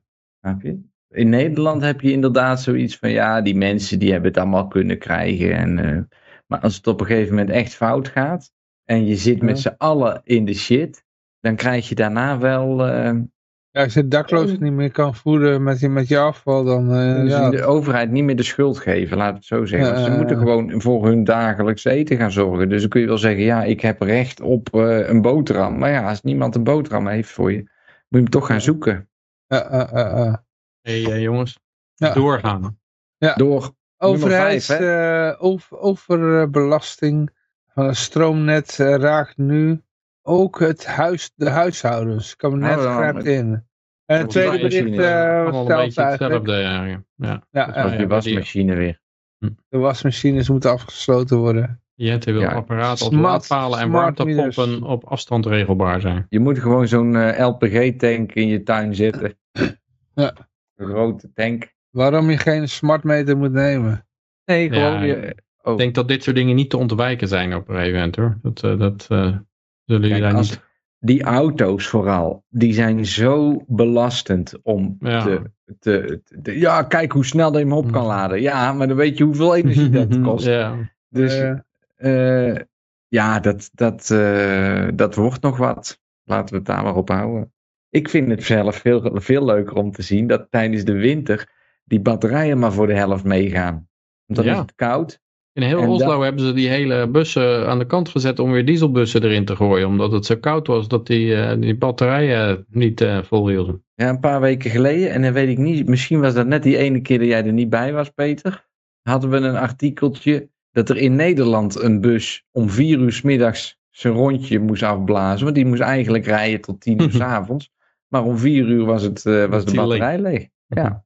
En toen moesten ze dus een bus gaan terugslepen. Dat is ook weer een heel gedoe natuurlijk. Hm. Want ik kan me niet voorstellen hoe zwaar die batterijen moeten zijn voor die bus. Ja, dat is ook belachelijk dat, dat die dan helemaal leeggereden wordt tot het laatste druppeltje. Oh, ja, Ja. nou moeten we gesleept worden. Maar wat ga je dan doen als buschauffeur? Ja, je moet ook doorrijden, toch? Je rijdt gewoon die, die batterij leeg. Klaar. En dan zeg je, oké jongens, de batterij is leeg, ik kan niks meer rijden. Het is anders als dat je je eigen bus rijdt, bedoel ik te zeggen. Die buschauffeur, die rijdt gewoon zo rondjes. Moet ik hem Ja, de nee, volgende voorlezen? Ja, ja, we Oh nee, ik ben er, ik ben er hoor, ik ben er. Ja, is ja. in slaap gevallen. Nee, nee, nee, MH17. ik even, eh, ik ben, ik ben bij even- MH17 nou, Johan. Het ja, Europees en- Hof. Eh, lees, maar Ja. voor, lees maar voor. Ja. Ah, het is toch serieus nieuws. Maar we, we lezen het voor uit de Telegraaf. Europese Hof Mhm. oordeelt dat kabinet informatie over aanloop MH17 geheim mag houden. Eh, In Luxemburg is de uitspraak gedaan. Ja. Nou, het zegt eigenlijk alles. Er komt nog een stukje tekst achteraan voor degene die niet precies weten wat MH17 ook alweer was. Die worden nog even op de hoogte gesteld. Maar we mogen een aantal dingen gewoon niet weten. Dus ja, ja, waarom mogen we dat niet weten? Ja. Waarom mogen we dat niet Ik zal weten? even wat zeggen. Ik zal even wat zeggen. De dag dat MH17 gebeurde, zat ik bij mijn buurman bier Ja. te drinken. En het gebeurde om 1 uur 's middags. Uh-huh. En toen kwam er om kwart over één een speciale nieuwsuitzending. En die zagen wij toen. En toen zei ik na die nieuwsuitzending: Dit is één grote bullshit. Dit hele verhaal eh, stinkt van alle kanten. En toen brak er heel de pleuris uit bij mijn buurman. Want ik was een landverrader. Dat ik zomaar durfde te zeggen. Dat al die mensen voor niks gestorven waren. Of dat er iets anders achter zat. Ja. Nou, en dat was puur mijn clownsneus die begon te jeuken. Die had ik toen nog niet op. Maar de- Ja. weet je wel, daar werd door al die. Onder het bier werd het allemaal. ah, ik kreeg steeds rodere neus van Johan. Ja, eh, Maar eh, Ehm, dat is mijn eh, ervaring met MH17. Ik zei toen meteen in een volle kamer: dit is allemaal bullshit. Want ik, ik, dit hele nieuws, eh, deze hele nieuwsuitzending is vorige week opgenomen. Zoiets maakte ik ervan. En ehm, eh, ja, dat was een hele grote rel toen. Daar heb ik echt een week lang last van gehad. Hmm. Totdat die krat bier op een gegeven moment leeg was. En dan moest ik met mijn auto weer een nieuwe halen. Dan hadden ze mij weer nodig. Maar dat was, e dat was eventjes gezeik toen in de tent. Want ik zei zomaar dat het journaal tegen ons zou liegen. Nou, dat, eh, dat zou toch echt... eh, die mensen, die, waren die mensen dan niet echt dood gegaan? En bla bla bla. En dat werd toen zo in de media ook uitgespeeld. Dat ik daar ook gewoon een paar weken weg ben gebleven. Ja, natuurlijk zijn Want, die die zaten alleen maar- en alleen maar in die MH17 bullshit. Ja, natuurlijk. eh, men, men, men liet gewoon een vliegtuig over, een vliegtuig over oorlogsgebied eh, vliegen. Ja, Ja, ja. Ieder, Ja. ieder, ieder vliegtuig is gewoon eh 100% traceable. Zeker als daar eh, 200 Ja. man in zit.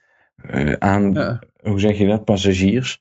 Dus, ehm, Maar de Nederlandse de overheid die wist niet dat het gevaarlijk was dat je zomaar Nee. een vliegtuig over een Maar oorlog... ik denk niet dat dat laten geheim is. Wat ze onder de, dat is al eerder naar buiten gekomen. ik denk dat de CIA het gewoon heeft neergeschoten om, het, eh, om, om olie op het vuur te gooien. En om het, daar- of om misschien wel een Ja, vuurtje aan te steken. eh, uitlokking inderdaad. Hè, van, eh, ja, goed, ja. Ja. Nee, dat het gewoon vliegtuigen bestuurd door CIA-personeel waren die, die een vliegtuig heeft neergeschoten. Dus dat er helemaal geen bukraket eh vanuit... Dat is, dat is wat ik zeg. oké, ja, goed. Ja, in ieder geval, ehm, wat er ook gebeurd is, we mogen een aantal dingen niet weten. Nee, ja, oké. Maar ik heb dus de- met Dat zijn niet de echt... dingen die al half naar buiten gekomen zijn. eh, zo. Eh, ja, dat net zijn- als met de moord op Kennedy, eh na 60 jaar, dan krijg je nog papieren naar buiten met eh, allemaal zwarte stukken tekst erop. eh zwart hoe dat? Ik krijg, Ik heb- net, ik krijg hier net een berichtje door dat eh, Trump heeft gezegd dat 9-11 geen terreuraanslag is geweest. Hij, Oké. hij gedurende vier jaar zijn mond heeft gehouden. Niet duidelijk waarom, maar hij nu constant over spreekt. Oh, Wat, Dus, wat, wat, eh, wat, mooi, wat? mooi, mooi. Nieuw narratief.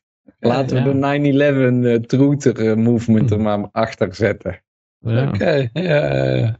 Die vent Ja. wordt neergeschoten voordat ja dat denk ik ook. Dit is niet, dat is niet gezond om dit soort dingen te zeggen. Maar dat maakt niet uit, want die, hij is 80. Snap je? Ja. Als ik 80 zou zijn, met alles wat ik als Trump gedaan zou hebben, wat je wordt, hoe meer je de moet, je, moet je dan wachten totdat je er net zo bij loopt als Biden? Of zeg je gewoon van nou, schiet me dan ook maar gewoon met een Cadillac met een open dak. Weet je wel, schiet me dan maar gewoon een keer overeind op een zonnige dag. Ja. Ik zou, daar wel, we- ik zou wel weten wat ik ervan maak. Die, die Trump die gaat al de hele dag rondjes rijden in Texas. Met een open dak. Voor dat ene gebouw. Het zou nog mooier zijn. Het zou nog mooier zijn als er een Trump lookalike nou wordt doodgeschoten in zijn auto eerst. Trump lookalike doodgeschoten in een auto. Nou, we hebben de minister van Defensie van de VS nog steeds niet, eh, we hebben nog steeds geen levensteken van gehad. Hè? Oké. Sorry? We hebben van de minister van Defensie nog steeds geen levensteken gehad. Die, eh, die hebben vrouwen lijken. Oh, die Amerikaanse eh, Ja. met die rok. Ja. Uh, Rock, weet ik niet, maar hij is... Ja, die eh, heeft. Dus Ja, die, man me met, het verhaal had er was dat met een eh, die man met die lippenstift. Die man met die lippenstift. Het verhaal is- nee, nee, dat was een nucleaire uh, die, die bagagestal. Nee. ik weet niet wie het was. Nee, deze... Die deze... was Man of the Year toch of zoiets. Of Woman of the Year die gekozen. Oh, Door Babylon B. Man of-. Want dat, dat- was nog een. Volgens mij was de, dat was het laatste. Babylon B was bij Tucker Carlson. En toen hadden ze het over waarom dat ze eraf waren gegooid. En dat was die vent van het ministerie van Defensie. Want die was Woman of the Year verkozen Ja, door. Time. En hadden zij er Man of the Year van de Babylon B van gemaakt. En toen, en toen raakten ze hun account kwijt op Twitter. Nee, dit is Lloyd Austin, dat is echt de hoofd van de uh, Defensie. Oké, oké. Oh, nee, ik kan, ik kan En, er nog eh, geen gezicht bij halen. Dat is een grote beer van een neger. Is het een enorme, een enorme vent. Ja, het verhaal gaat dat hij, eh, dat hij een bomsknar heeft gekregen. Maar dat ze dat proberen te verhullen met uh, nou, het is een prostaatoperatie. En hij was in stilte naar het ziekenhuis gebracht. En, uh, en uh, er waren complicaties opgetreden. Maar al die tijd hebben we nog steeds niks van hem, uh, nog steeds niks van hem gezien. Uh, eh, de- eh, hoe langer dat duurt, hoe meer je het idee krijgt dat het misschien wel zwaar kan zijn. Nou, De booster eh, begon te werken. waarom ook niet, hè? Waarom ook niet? Maar ja, daarvoor zit zo iemand ook op zo'n positie uiteindelijk. Hè? Dat is wel een beetje waar we aan. Die, die, is een positie die Mark Rutte invult. Wij moeten gewoon als Nederlanders op een gegeven moment weer onze premier opeten. Eigenlijk. Hè? Als ze het fout doen. Dus dat is wel het risico. Eh, eh, Risico over de job. Had hij het zelf niet over die VUC-mentaliteit? Dat was Balkenende geloof ik. Dat was Balkenende. eh, Simon, laten we glanzen heen kijken. Eh, eh, eh. Maar goed, eh, we zijn een beetje afgedwaald. Maar ehm geeft niet. Zijn we deze, deze klaar?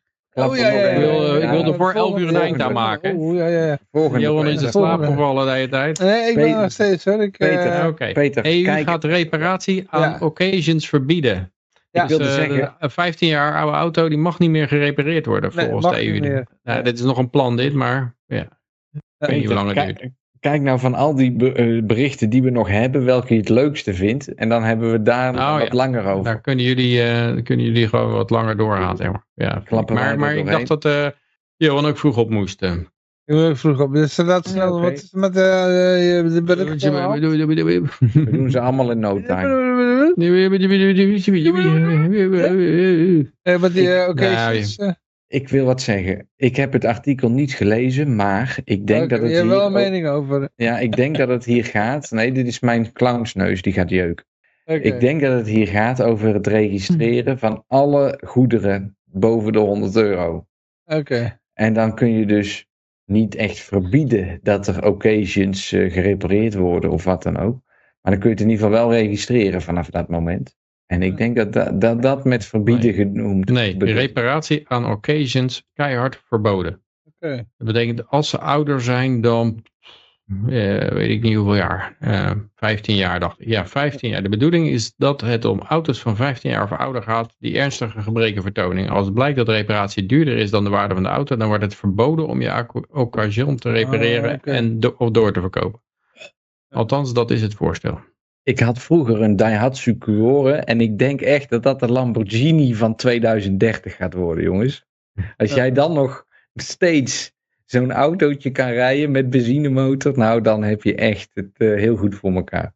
Eh, eh, eh. Die hard ben je dan. Ik, Hij ik denk dat- creëert met zo'n wet ook weer een hele markt natuurlijk, hè?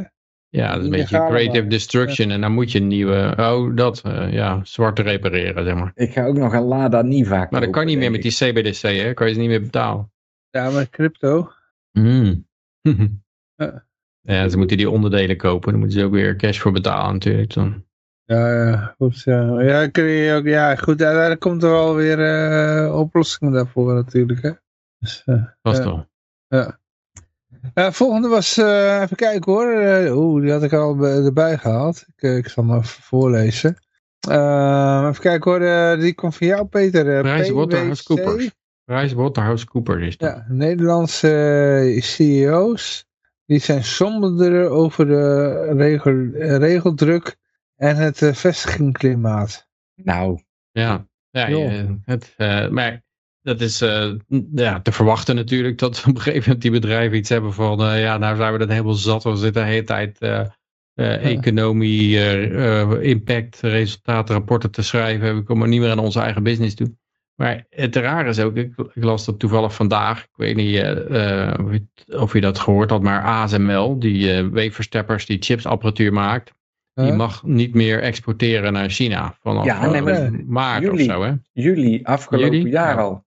Afgelopen Ja, jaar. maar er is weer een nieuwe, er is een nieuwe boycott en die komt maart ten einde of zo. Ook voor oude en weet je, wat, weet je ook wat de reactie is uit China?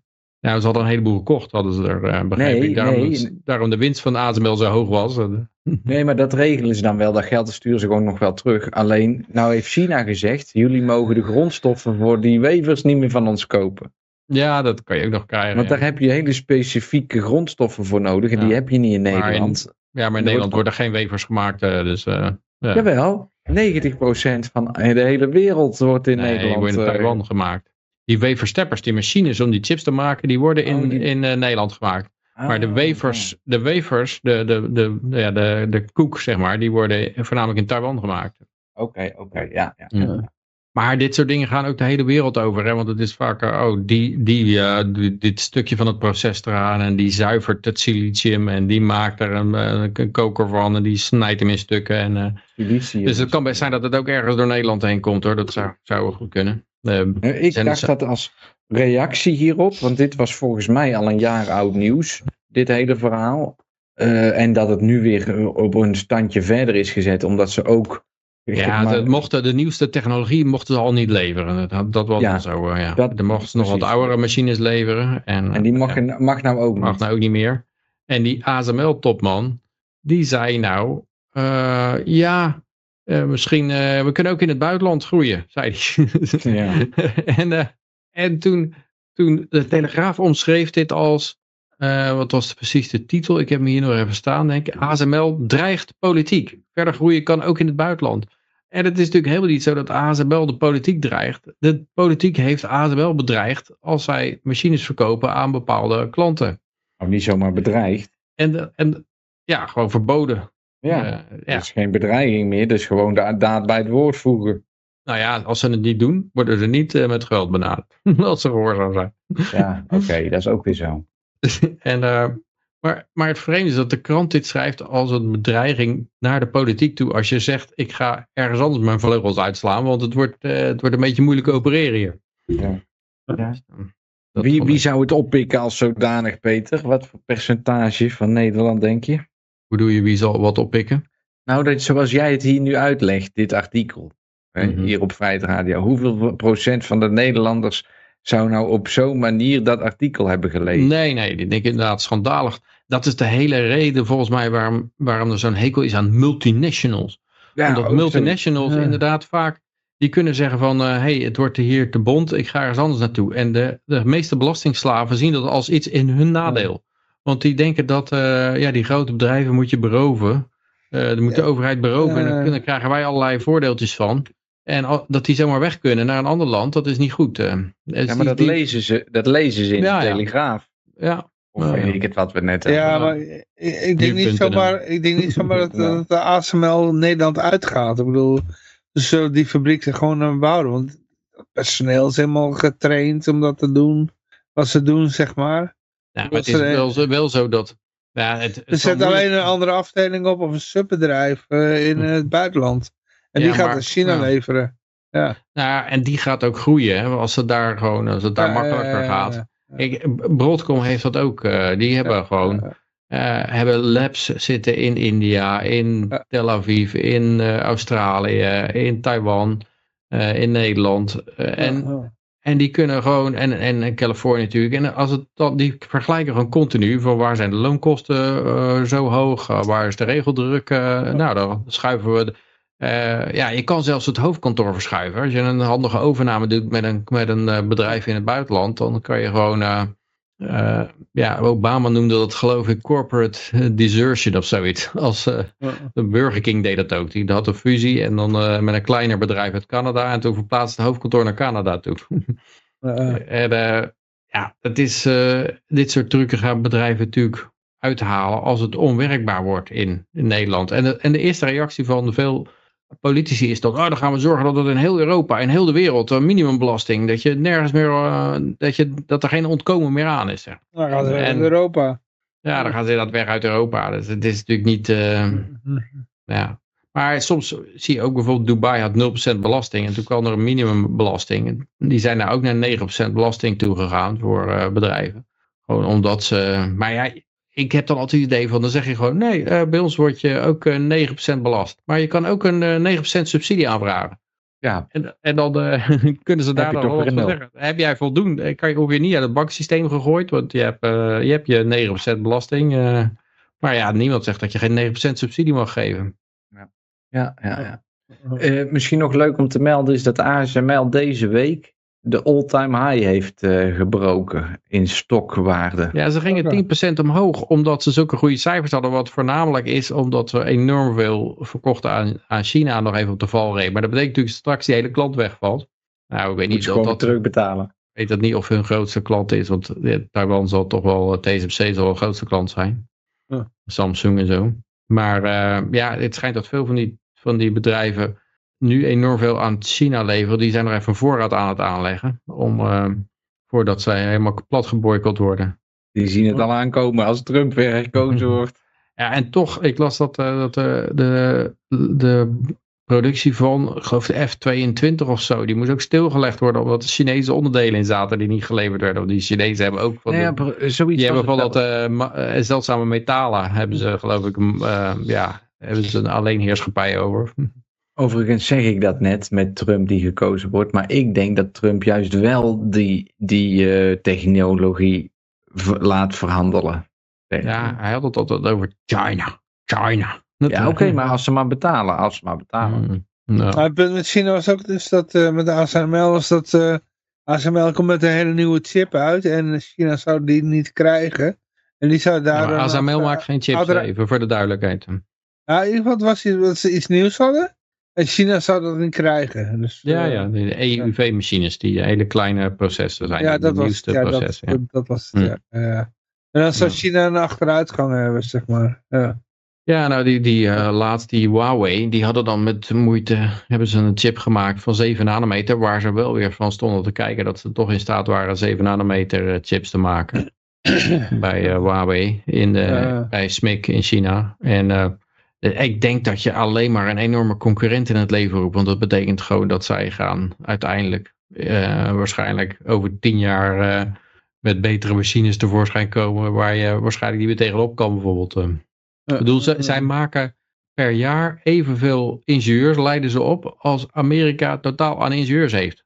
Ja, ja, ja. Ja, ja nou ja, kijk, en, en dat is uiteindelijk waar het om draait. En dan kun je wel een eh, certificaat genderpolitiek hebben ontvangen. Maar Daar ga je de oorlog niet mee winnen. En dat doet Ja. een beetje denken aan die Japanse generaal. Die had voor de Tweede Wereldoorlog gezegd tegen de Japanse keizer. Van, ja, wij gaan de oorlog tegen Amerika verliezen. Want dit zijn hun productienummers en dit zijn onze productiegetallen. En eh, uiteindelijk is, het, is een oorlog een productiewedstrijd. Wie, wie het meest kan produceren, eh, die, kan, die wint, een, wint een oor- oorlog. Dus ik denk dat Amerika dat gewoon ook gaat verliezen helemaal tegen China. Want qua productie eh, ja, lopen ze gewoon, eh, ja, is het Westen gewoon niet meer. eh, Die zijn alles kwijtgeraakt. Die kunnen niet meer produceren bijna. Of, Ja, niet de echte lopende banden of zo zijn er bijna niet meer in Nederland. nee, nee. Nee, in, in, Nederland in Amerika ook niet. eh. Nee. Alleen kogels, gewoon losse kogels wel. Ja, worden die nog geproduceerd ergens? Ja, omdat ze veel, veel eh, amateurschieters hebben, zeg maar. Dus Hmm. daar wordt nog redelijk wat omzet in rondgedraaid. Ja, Want maar je je kan zo'n nou kogel ook maar één keer schieten, snap je? Je kan zo'n kogel maar één keer schieten. Ja, je ziet toch ook dat er nou enorm tekort is aan die 150 mm granaten. Of die, wat is het, 151 mm granaten. Want ja, eh, dat dat niet meer gedacht dat je die ooit nog nodig zouden hebben. En tegelijkertijd stapt Rusland dan naar Noord-Korea en dan hebben ze er nog even 100 liggen. Ja, misschien nog En- meer en dan ik- 100 denk ik. Kan hij nog een keertje een salvo overheen jagen. Ja. Maar voor mij, echt waar, die, die hele oorlog in de Oekraïne, eh, ik begrijp dat het een, een gevoelig onderwerp is. Hè, want, Ja, omdat jij bij bijvoorbeeld ons, een huis wilde kopen. Jawel, ook hier. Oké. Maar ik denk dat het één gemaakte poppenkast is. En al die mensen gaan wel dood. Ja. Dat begrijp ik. En er wordt heel veel geschoten. Maar ik denk dat het gewoon het verhaal gaat zijn. De, de grondstoffen worden niet meer door westerse bedrijven genuttigd over een jaar of vijf. En dat is het verhaal van deze oorlog. Wordt dat verhaal, dat leggen we uit aan. Je kan ook gewoon zeggen: jongens, eh, sorry, jullie moeten allemaal insectenburgers gaan eten. Want we kunnen die koeien niet meer eh, op het gas zetten heel de dag. Want dat redden we niet. Ja. En, en met op het gas bedoel ik dat het heel veel energie kost ook. Om ze- ja, de, de- de- gewoon eh, om koeien te houden en om dat te doen, ehm, vereist. eh, die, eten allemaal kun. het is- nou goed. Nou, die eten allemaal, uiteindelijk landbouw draait op kunstmest. En dat kunnen we al niet eens, eh, want dat wordt met aardgas gemaakt. en, en het mag niet eens meer, want, want er is een stikstofprobleem. dus je mag, eh, en eh, kunstmest Ja, maar dat is gewoon is gebonden stikstof. eh. Dat is hetzelfde verhaal, maar dan op een andere manier uitgelegd. Het, het, het punt is dat het, de, de hoeveelheid consumptie die, de, die, de, die, het verei, die we hadden, is een onhoudbaar niveau. Want er gaan op een gegeven moment in de wereld mensen zeggen: ja, maar wacht eens even, ik wil het ook wel een beetje leuk hebben.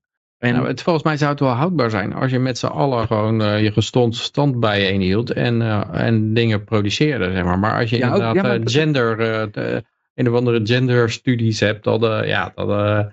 Nee, maar zoveel kun je dus niet produceren. Dat is het hele punt. Je kan niet die groei blijven volhouden. Ja, als je maar je genoeg niet- energie hebt wel. Genoeg energie kan je alles, alles wel recyclen weer en hergebruiken. En, Maar dat is ook weer een utopisch denken. Want dat betekent dat je over heel de wereld eh, je bommen moet gooien. Om overal maar meer, meer, meer olie te pompen. ja, dat is in de vorm van olie zal het zeker beperkt zijn, denk ik. Maar eh, ja, nou, als je energie in een andere vorm kan... eh kan is dus ook weer een kwestie gewoon van innovatie en uitvinding. Als je weer... Kun je ook zeggen van nou, dan, dan bombarderen we heel Rusland eronder. Want dan nemen we daar de methaanvelden wel van in. En dan kun je weer even groeien.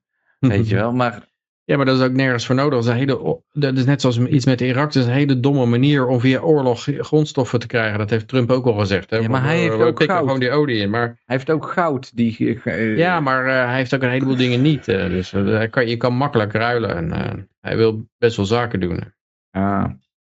Kopen wie is altijd nou- goedkoop. Ik geloof dat als je kijkt naar die oorlog in Irak, wat die kocht, eh, heeft gekost aan geld, daar had je geloof ik eh, gewoon olijfolie voor kunnen kopen voor dat geld. Had je evenveel gehad als de eh, olie die ze daar eh, uit de grond haalden. Nou, klopt dit niet helemaal, omdat als je dat geld, die hoeveelheid geld van die oorlog gaat uitgeven naar olijfolie, gaat de prijs van olijfolie wel iets omhoog. Ja, ja, maar om je een idee te geven dat het geen kosteneffectieve manier is om, om grondstoffen maar- te komen. Jij neemt dan toch het goud volgens mij niet in ogen. Want hij had ook heel veel goud, die eh, Saddam Hussein. Volgens mij ging het om dat goud. Hetzelfde als met eh, Gaddafi. Die had ook heel veel goud. Nou, En het, het ging helemaal niet om die olie of om... Ja, ook wel, ook wel. En ze vonden het ook wel prettig om daar een, eh, een opstapplaats voor, eh, voor alle migranten naar Europa te maken. nee, de oorlog betaalt voor zichzelf. maar, Dat is het ja. verhaal, toch? De oorlog betaalt voor zichzelf. Maar ehm, ja, hoe dan ook. Je kan, dat roven is gewoon nooit goed. Dat hebben die Spaanse conquistadors al ontdekt. Ja, je heeft even heb je heel wat. Maar dan is het, ben je uitgeroofd. En dan, ehm, ja, je kan, het, je kan het niet bezet houden. Je kan ze niet tot slaaf maken. En, eh, En dat is, dat is onze tijd van nu hoor. Dat, zo voel ik dat echt. Dat is onze tijd. Want is, ik ben 37, dus eh, in de afgelopen 25 jaar van mijn leven ongeveer heb, ik- heb, heb ik oorlogen gefinancierd over heel de wereld. En dat was volgens mij dus allemaal dat afstelen bij een Gaddafi, bij een eh, dingen, Hussein. En nou, eh, ik Nou, ik denk, eh, inderdaad. ik denk dat ze zeker. Dat het, het, het is voor een groot gedeelte is het natuurlijk een PR-verhaal geweest. Dat al die mensen in, de, in die arme landen, die hadden allemaal als droom om in de civilization te komen. En, en dat geeft volgens mij een munteneenheid ook veel kracht. In de zin dat, dat zij gewoon de hele tijd hard werken om één ticket te krijgen naar het westen. Ja. Omdat, omdat het daarom al zo geweldig is. En dat is ook de reden waarom iedereen naar Hollywood gaat of zo. eh, Omdat ze allemaal denken van nou, dan word ik een, eh, word ik een ster. En dan hebben ze, dus ze brengen enorm veel offers, gewoon voor die droom, die eigenlijk ook een illusie is. eh. En, en, maar dat houdt het wel in leven, want doordat zij veel offers brengen, blijft die munteenheid maar in, in vraag. Precies, precies, ja. Op het, moment dat die bubbel, op het moment dat die bubbel barst, zeg maar, van dat je opeens denkt van hé, maar San Francisco is een enorme shithole. Dan is er, ja, maar waarom zou ik dan nog dollars nodig hebben om daar naartoe te gaan? zo? Dan, dan volgens mij is dat het einde van het verhaal. Hè? Eh, mijn conclusie van mijn tekst, die ik nou heb gepubliceerd deze week, is: mensen creëren waarde. Het maakt niet uit wat zij waardevol vinden. Het is uiteindelijk aan de mensen om, om daar een bepaalde waarde aan te geven. In, want ik probeer mijn e-guldens te verkopen. Dus dat is dan de, de link. Ja, ik, ik heb wel eens, eh, die Molyneux zei dat geloof ik, van eh, ja, het gaat niet om de olie of om de zeldzame metalen of om eh, aardgas of wat dan ook. Het gaat om, om de mensen. De menselijk zijn de belangrijkste resource en dan niet de mensen Ja. van, het, van het land wat je verovert. Maar het doel is om belastinggeld van Amerikaanse burgers in de zakken van Amerikaanse politici en wapenfabrikanten te krijgen. En daarvoor dienen die Irakezen als, eh, als, eigenlijk als offervee. Je wordt, eerst maak je de onderdanen bang voor de buitenlandse vijand. En dan eh, geeft hij een hele hoop, is hij bereid een heleboel belastinggeld aan de overheid te geven ter bescherming. En die geven het dan weer allemaal aan de, aan de Lockheed Martin door. Waar ze zelf ook weer een mooi baantje krijgen na hun, eh, hun, pensioen via het draaideurmechanisme. Dus het, het, het, be- het, belangrijkste grondstof is slaven eigenlijk, is belastingslaven. Ja. En, net als bij ontwikkelingshulp. Het ontwikkelingshulp, het enige doel is om geld van de, van de eigen bevolking eh, eh, af- eh, af te nemen. Door te wisselen. door ja, te rollen via het buitenland. Weer naar je eigen 5% zak, zeg maar. 5% afromen. Ja. En de rest die spelen we wel door aan vriendjes. Ja, dus Ja. eigenlijk oorlog en ontwikkelingshulp is eigenlijk hetzelfde, hetzelfde in Ja. principe. Ja. Ja. ja. ja, en de mensen hebben het tot op vandaag nog steeds niet in de gaten, Peter. We weten het nog steeds niet. Nee, het is, het is, ook, een, het is ook een heel puzzeltje wat, eh, wat natuurlijk enorm goed verborgen wordt gehouden. Ja. Nou, ik ben En eh, als je het probeert mensen uit te leggen, dan geloven ze gewoon niet. Dan denk ja, En- is dat nou voor onzin? in de maand februari ben ik op zoek naar 400, 4000 mensen die ieder 250 Dogecoin eh, aan mijn Proof of Community bijdragen. En dat mogen ze dan, wat ze daarvoor terugkrijgen, doneren, maar dat hoeft niet. Maar in ieder geval, ehm, daarmee breken wij door die muur. Echt waar. Maar het zijn wel, ik heb duizend volgers op eh, Twitter op het moment, dus ik, ik eh, ga het statistisch gezien nooit redden. Maar tegelijkertijd zit er wel dat je 10% achter je moet hebben. Je 10% van de bevolking hebt, dan volgt de rest wel. Je 10% veel minder, veel minder, veel minder. Echt waar. Je moet een verhaal hebben wat gehoord wordt en dan loopt iedereen erachteraan. En dat verhaal kan door één iemand verteld worden, of door tien mensen, of door honderd. Maar als het verhaal maar goed genoeg is, dan, dan komt, want die 20%, hoe kom je dan aan die 20%, Peter? Snap je? Het begint bij één. Mhm. Het begint bij 3% om bij die 10% te gaan. Nou, maar oké, dus waar komt die 3% dan vandaan? Ja. Het, is, het, het is gewoon, als een idee goed is, dan groeit het. En op een gegeven moment is, heeft het dan de werkelijkheid bereikt. En dat is met Bitcoin in zekere zin aan het gebeuren, of met een Liberland in zekere zin aan het gebeuren. En dat is puur omdat er genoeg mensen van mijn leeftijd, die dus de aarde gaan overnemen van degene die hiervoor een verhaal aan het vertellen waren, met weet ik veel wat. eh, die wil, om dat te veranderen, gaat het veranderen. En dat is het enige wat er voor nodig is. Verder heb je, zelfs geld is in dat opzicht niet nodig. Alleen, het is wel een middel waarmee alle mensen verblind worden voor, nou ja, niet verblind, maar wat een soort van succes eh, aantoont. Dus ja, de, de, de, Ja, maar het mooie is ook aan geld dat eh, heel vaak is het van... eh, ja, zolang mensen een groot getal op hun bankrekening zien staan, dan zijn ze al tevreden. Want, ja precies. want, En dan hoeft hoef, je- hoeft er niet eens... eh, de- die welvaart hoeft eigenlijk niet eens te zijn. Ze leveren het gewoon weer in als ze doodgaan bij de belasting. Je kan het in de tussentijd. Ze voelen zich hartstikke happy van dat ze Jongen, die pensioen-. Die pensioenfondsen in Nederland die hebben, zijn zo verschrikkelijk binnengelopen in de afgelopen 80 jaar, joh. Mm. En, en ze beheren nou nog steeds superveel geld.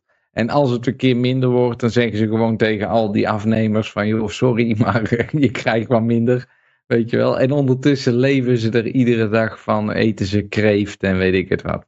Dus het, is, het is een super succesvolle scam. En de mensen hebben totaal niet in de gaten hoeveel macht er vanuit die cohesie en die samenwerking, die ze dus hebben opgebouwd na honderden jaren van oorlog en gedoe, was er op een gegeven moment even een moment waarin iedereen hetzelfde dacht. Nou, en toen, bam, klapte dat meteen ja, op de manier waarop het gedaan is. Maar dat is geen houdbaar succes. Want op een gegeven moment gaan er toch weer mensen doorhebben dat het allemaal één grote corrupte bende is. Ja. Mhm. Maar jullie mogen uh, uitroepteken Volgende van. Paul eh, in het chat eh, typen. Ik Ja. blijf wel doorkletsen hoor, maakt niet uit. Ja. Ja. Ik denk niet dat we alle, alle berichten gaan doen, want het is best wel ik heb, laat. Ik, heb mijn, spraak, mijn spraakwater heb ik hier. ja. Eh, de rest van het bericht is voor volgende week. Ik, Dus, ik zal nog eh, eventjes, eh, ik zal nog even, even dit, mijn nieuwe tekst. Maar wat Hoor hebben we nog? We hebben nog Maxima. Eh, Ja, dus dat uh, Koningshuis dingen, dat is het laatste bericht. En, Extreme eh, ja. Weather Report, AI. Nee, het is allemaal voor volgende, voor Ah, volgende week. Volgende Ja, week, ja. oké, volgende week. Ja, goed zo. Ja, ja, ja. Dus eh, ik, eh, het is 11 uur bijna, dus eh, Hm. ik vind het wel welletjes. Ja, zeker. We moeten om 5 uur op, dus eh kunnen het mij. Hm. Hey, met de fiets. In één keer hebben we een heel vol rad. ja. Moet je zien dat die, die teller van mij, die, die klopt helemaal niet. Maar ja, goed, het is... eh, ja, goed, Twitch is ook niet... eh, de, voor statistieken moet je Twitch niet hebben. Dus eh, ja. Nou, draai je met die handen. Zo, dit ratst behoorlijk vol in één keer, hè? Wat een ziek idee. Eh, ja, goed, ja. Ik, eh, weet je wat, ik, ik ga gewoon draaien. Dus eh, ik vind het wel vol genoeg, eigenlijk. Dus hartstikke idee. Ehm, even kijken hoor. Waar was dat, was dat ook alweer? Hier ook, geloof ik. Ja, hier. Ik heb het gevonden. Ik moet, ook nog, ik nog eten koken, jongens. Oh, moet je nog gaan eten, joh? Ja, ik moet nog gaan eten. Ik werd vandaag Oh, pas om drie, ik was pas om drie uur uit mijn bed. Jo, drie uur 's middags? Ja, Oké. verschrikkelijk. Verschrikkelijk. Wat een studentenleven heb je ook weer, hè? Ja, nou, ik heb eh, vannacht heb ik die tekst geschreven. Toen ging ik pas om zeven uur slapen. Dus Oké. zodoende. Dat het, maar het loopt de laatste weken weer een beetje uit de hand met eh, de slaaptijden. Oké. Ja. Je hebt een mooi gevuld wiel, vind ik hoor, Johan. Ja, ik ga Ja. spinnen. Hm. Wordt nu gespind. Hoppakee. En even kijken wie het gaat worden. Oh, konden jullie het zien? Ik heb gewonnen. Was jij het? Nee, ik weet het niet, Johan. Ik weet het niet. Ja, ik, ga wel dat, terugkijken. Nee, ik was het sowieso niet, volgens mij. Oké. Hey, Ja. ik Ja. ga er vandoor. Ongevaccineerde kwak. Ongevaccineerde kwak. Oh, oh, dat ben ik. Dat ben ik. Nou, dan gaat het bedrag door naar de volgende week. Dan gaat het bedrag door naar de volgende week. Het laatste bericht is een eh, Koningshuisbericht. Hm. En dat gaan we nog even behandelen, want er is een eh, roep gekomen naar het... Ik had het wel leukste, de Koningshuisberichten. ja, de Maxima die heeft wat gezegd. Over, digitaal geld toch niet, hè? Ja, dat, dat, dat, dat. Ach, alweer. Terwijl Ja, als ze er al drie keer, drie keer hadden ze al gezegd, Maxima doet dat nou niet meer. Nee, ze Maxima ze is een beetje dom. Beetje dom. Beetje dom, hè? Een beetje dom. ja, Klaus ja, ja. En die zei... Of je gaat me pijpen, of eh, Als je gaat Maxima dat nou- zeggen. als Maxima nou- dat zeggen. Als Maxima nou zou zeggen, jongens, het wordt allemaal vriend van de e-gulden, dan zou ik het niet erg vinden. Ja, maar het moet ze jou pijpen, hè? Dus, eh, ja, mijn pijpen, dat maakt me niet uit. Of misschien wil helemaal niemand pijpen. En daarom zegt ze van, nou, dan zeg ik dit, dan, dan zeg ik dit verhaal. Nee, van Maxima wil ik heel wat anders. Maar ze heeft wel leuke dochters. Ik, ik kan van de, als ze nou de dochters, Ik heb geen idee niet. hoe die dochters eruit zien. Ik heb dan weet ik het nog niet. Maar Maxima zelf, die, nou, Ik heb die dochters nog nooit gezien, dus ik heb geen idee hoe ze eruit zien. Eh, Johan, flikker op. Nee. Nee, dat geloof ik gewoon niet. nee, serieus, ik, ik Ja. heb geen idee. Nou, jij hebt er nooit bewust naar gekeken. Toen ze nog heel, heel klein waren, heb oh, ik... eh, nou, daar ga je al. Daar ga je al. ja, ja, maar toen waren ze nog eh, drie of vier of zo, weet ik Maakt veel. niet uit. Ja, maar ja, voor de rest, ik eh interesseert me niks. Nou, er zit er eentje van die drie, die ziet er wild genoeg uit om bij mij een kans te maken. Oké, oké, oké. Ja. Dan denk ik van, nou ja, goed. Hoe oud zijn ze nu? eh zijn ze al idee, eh, idee. tien jaar? ze zijn eh, wel 18. Ja, ik dacht het. Oh, ze is al zo oud. Oké, oké. Ja, wel. Ja, neukbaar. Oké. Nee, ja. Nee, daar ben ik niet naar op zoek, Johan. Ik heb er van de week, gisteren, gisteren had ik weer iemand aan tafel. Oké. Ach, Joosje, wat ben je toch lief. Ik zeg, joh, ik ben een oorlog aan het voeren. Ik heb veel belangrijkere dingen te doen. Oké.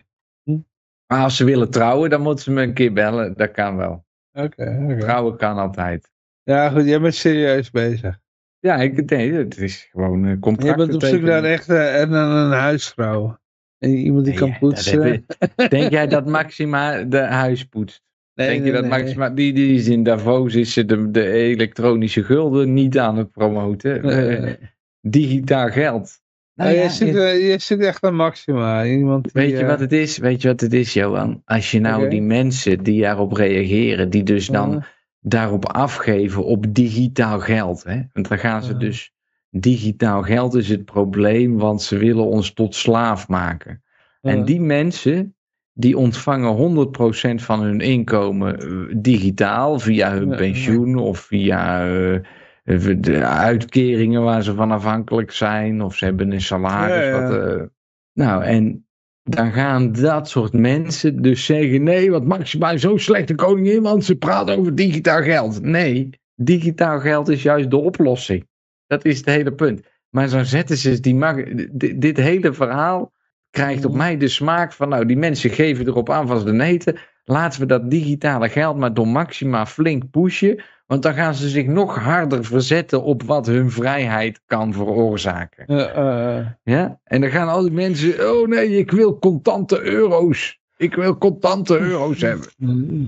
ja, ja. Terwijl dat ze dus niet in de gaten hebben dat als de ECB morgen een berichtje de deur uitgooit en die zegt alle briefjes van 50 die zijn niet meer geldig. Nou, dan zit je ermee in je portemonnee. Dan kun je er één keer de open haard van aansteken en is het gewoon afgelopen met je 50 euro. Ja, eh, eh. ja dus ik- dat was ook mijn gedachte bij dit hele verhaal van, eh, ja. Er is, er is- een roep, er is een roep geconstateerd. Ja, er zijn gewoon drie mensen die hebben geroepen. Ja, oké, dan gaan we het hele koningshuis af, af? Nee. Nee, maar zo werkte dat, Johan. Dit zijn de Ja. allereerste miljardairs in de wereld. Ja, De eh, familie van Oranje had een bedrijf en dat heette Shell. En dat hebben ze via de vlag van Nederland kunnen uitbreiden tot een wereldwijd imperium. Ja, het, ge- het geslacht gaat dan verder terug hoor. Dus, En als die mensen wat zeggen, dan komt dat in de krant. En dan Ja. gaan al die volgzame mensen die achter een koninginnetje willen lopen, die gaan dat gewoon op een gegeven moment doen. Want zo simpel zijn mensen nou eenmaal. Ja, En dat hebben ze eh, duizend jaar kunnen uitbuiten op die manier. Nou, geef ze eens ongelijk. Zolang wij zo stom zijn om eraan mee te doen, ja, genieten die mensen van, eh, van alle wilde die wij hun vrijwillig overdragen, toch? ja. Dat is toch gewoon een consent. Wij doen dat toch onszelf aan. Ja. En als we dat anders willen, kunnen we er vandaag ook voor kiezen. Oké, waarschijnlijk wordt je bankrekening afgesloten en eh. Ontvang je dus geen eh, salaris en toeslagen en pensioen meer. Maar als je het wil, dan is het mogelijk. Dan kan het wel. Maar goed, ja, we zijn wel een beetje aan het einde. Dus eh, we hadden nog een paar berichten Johan. lichten. Die eh, berichten gaan door naar de volgende week. Nou, hier Eh, ja, en ik, eh, ik moet ik, ga, ik ga eten koken. Ik ga eten koken. Oh ja, is smakelijk in ieder geval. Eh, en dan, Ja? Spek heb ik. Spek is. lekker. We zijn eh, volgende week weer. eh, waarschijnlijk op woensdag, maar dat weet ik nog niet helemaal zeker.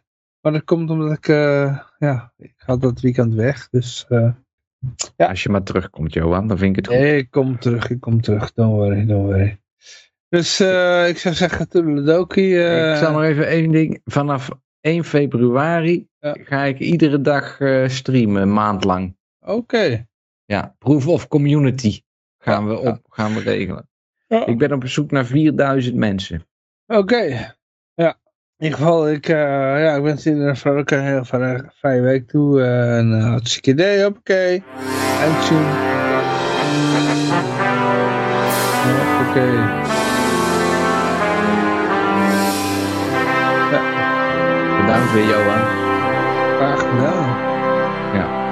Ja, dat, kan ik zien aan je. Je ziet er voldaan weer uit. Ja, ja, ja. de- de- Je had een leuke gast deze week. Ja, zeker, zeker. Ik had ook een goede wijn. Ik had een, eh, ja, ik kost wel een beetje, maar dan krijg je ook wat. Dat is een, eh, een van de Chateau Hubble de pub. Dus eh, ja, die was goed. Bijna tien jaar oud. Ja, Ja. die chateaus. Die chateaus, die kosten ook een hoop geld om te onderhouden, hoor. Ja, goed, ja, maar je kan ook je wijn laten zetten en dan krijg je gewoon but. Dus, eh maar dit is, dit is er eentje die was zijn prijs waard. Je ziet er tevreden uit, Johan. Ja, nou, ik zie er moe uit, want ik, eh, ik wil eigenlijk slapen. Mijn oogleden worden heel erg zwaar, dus... Huppakee. Ja. Wat rustig. Hoppakee. Ja, hey, tot de volgende week dan. eh. Yo. hoi hoi. Ja, volgende week zijn we begonnen hè, met die actie. Dus dan hoop ik al een paar mensen te hebben. Oké. Ja, ik begin, eh, ja, volgende week wordt het dan op woensdag, denk ik, dat ik ga uitzenden. Goed zo. Hoi hoi. Yo.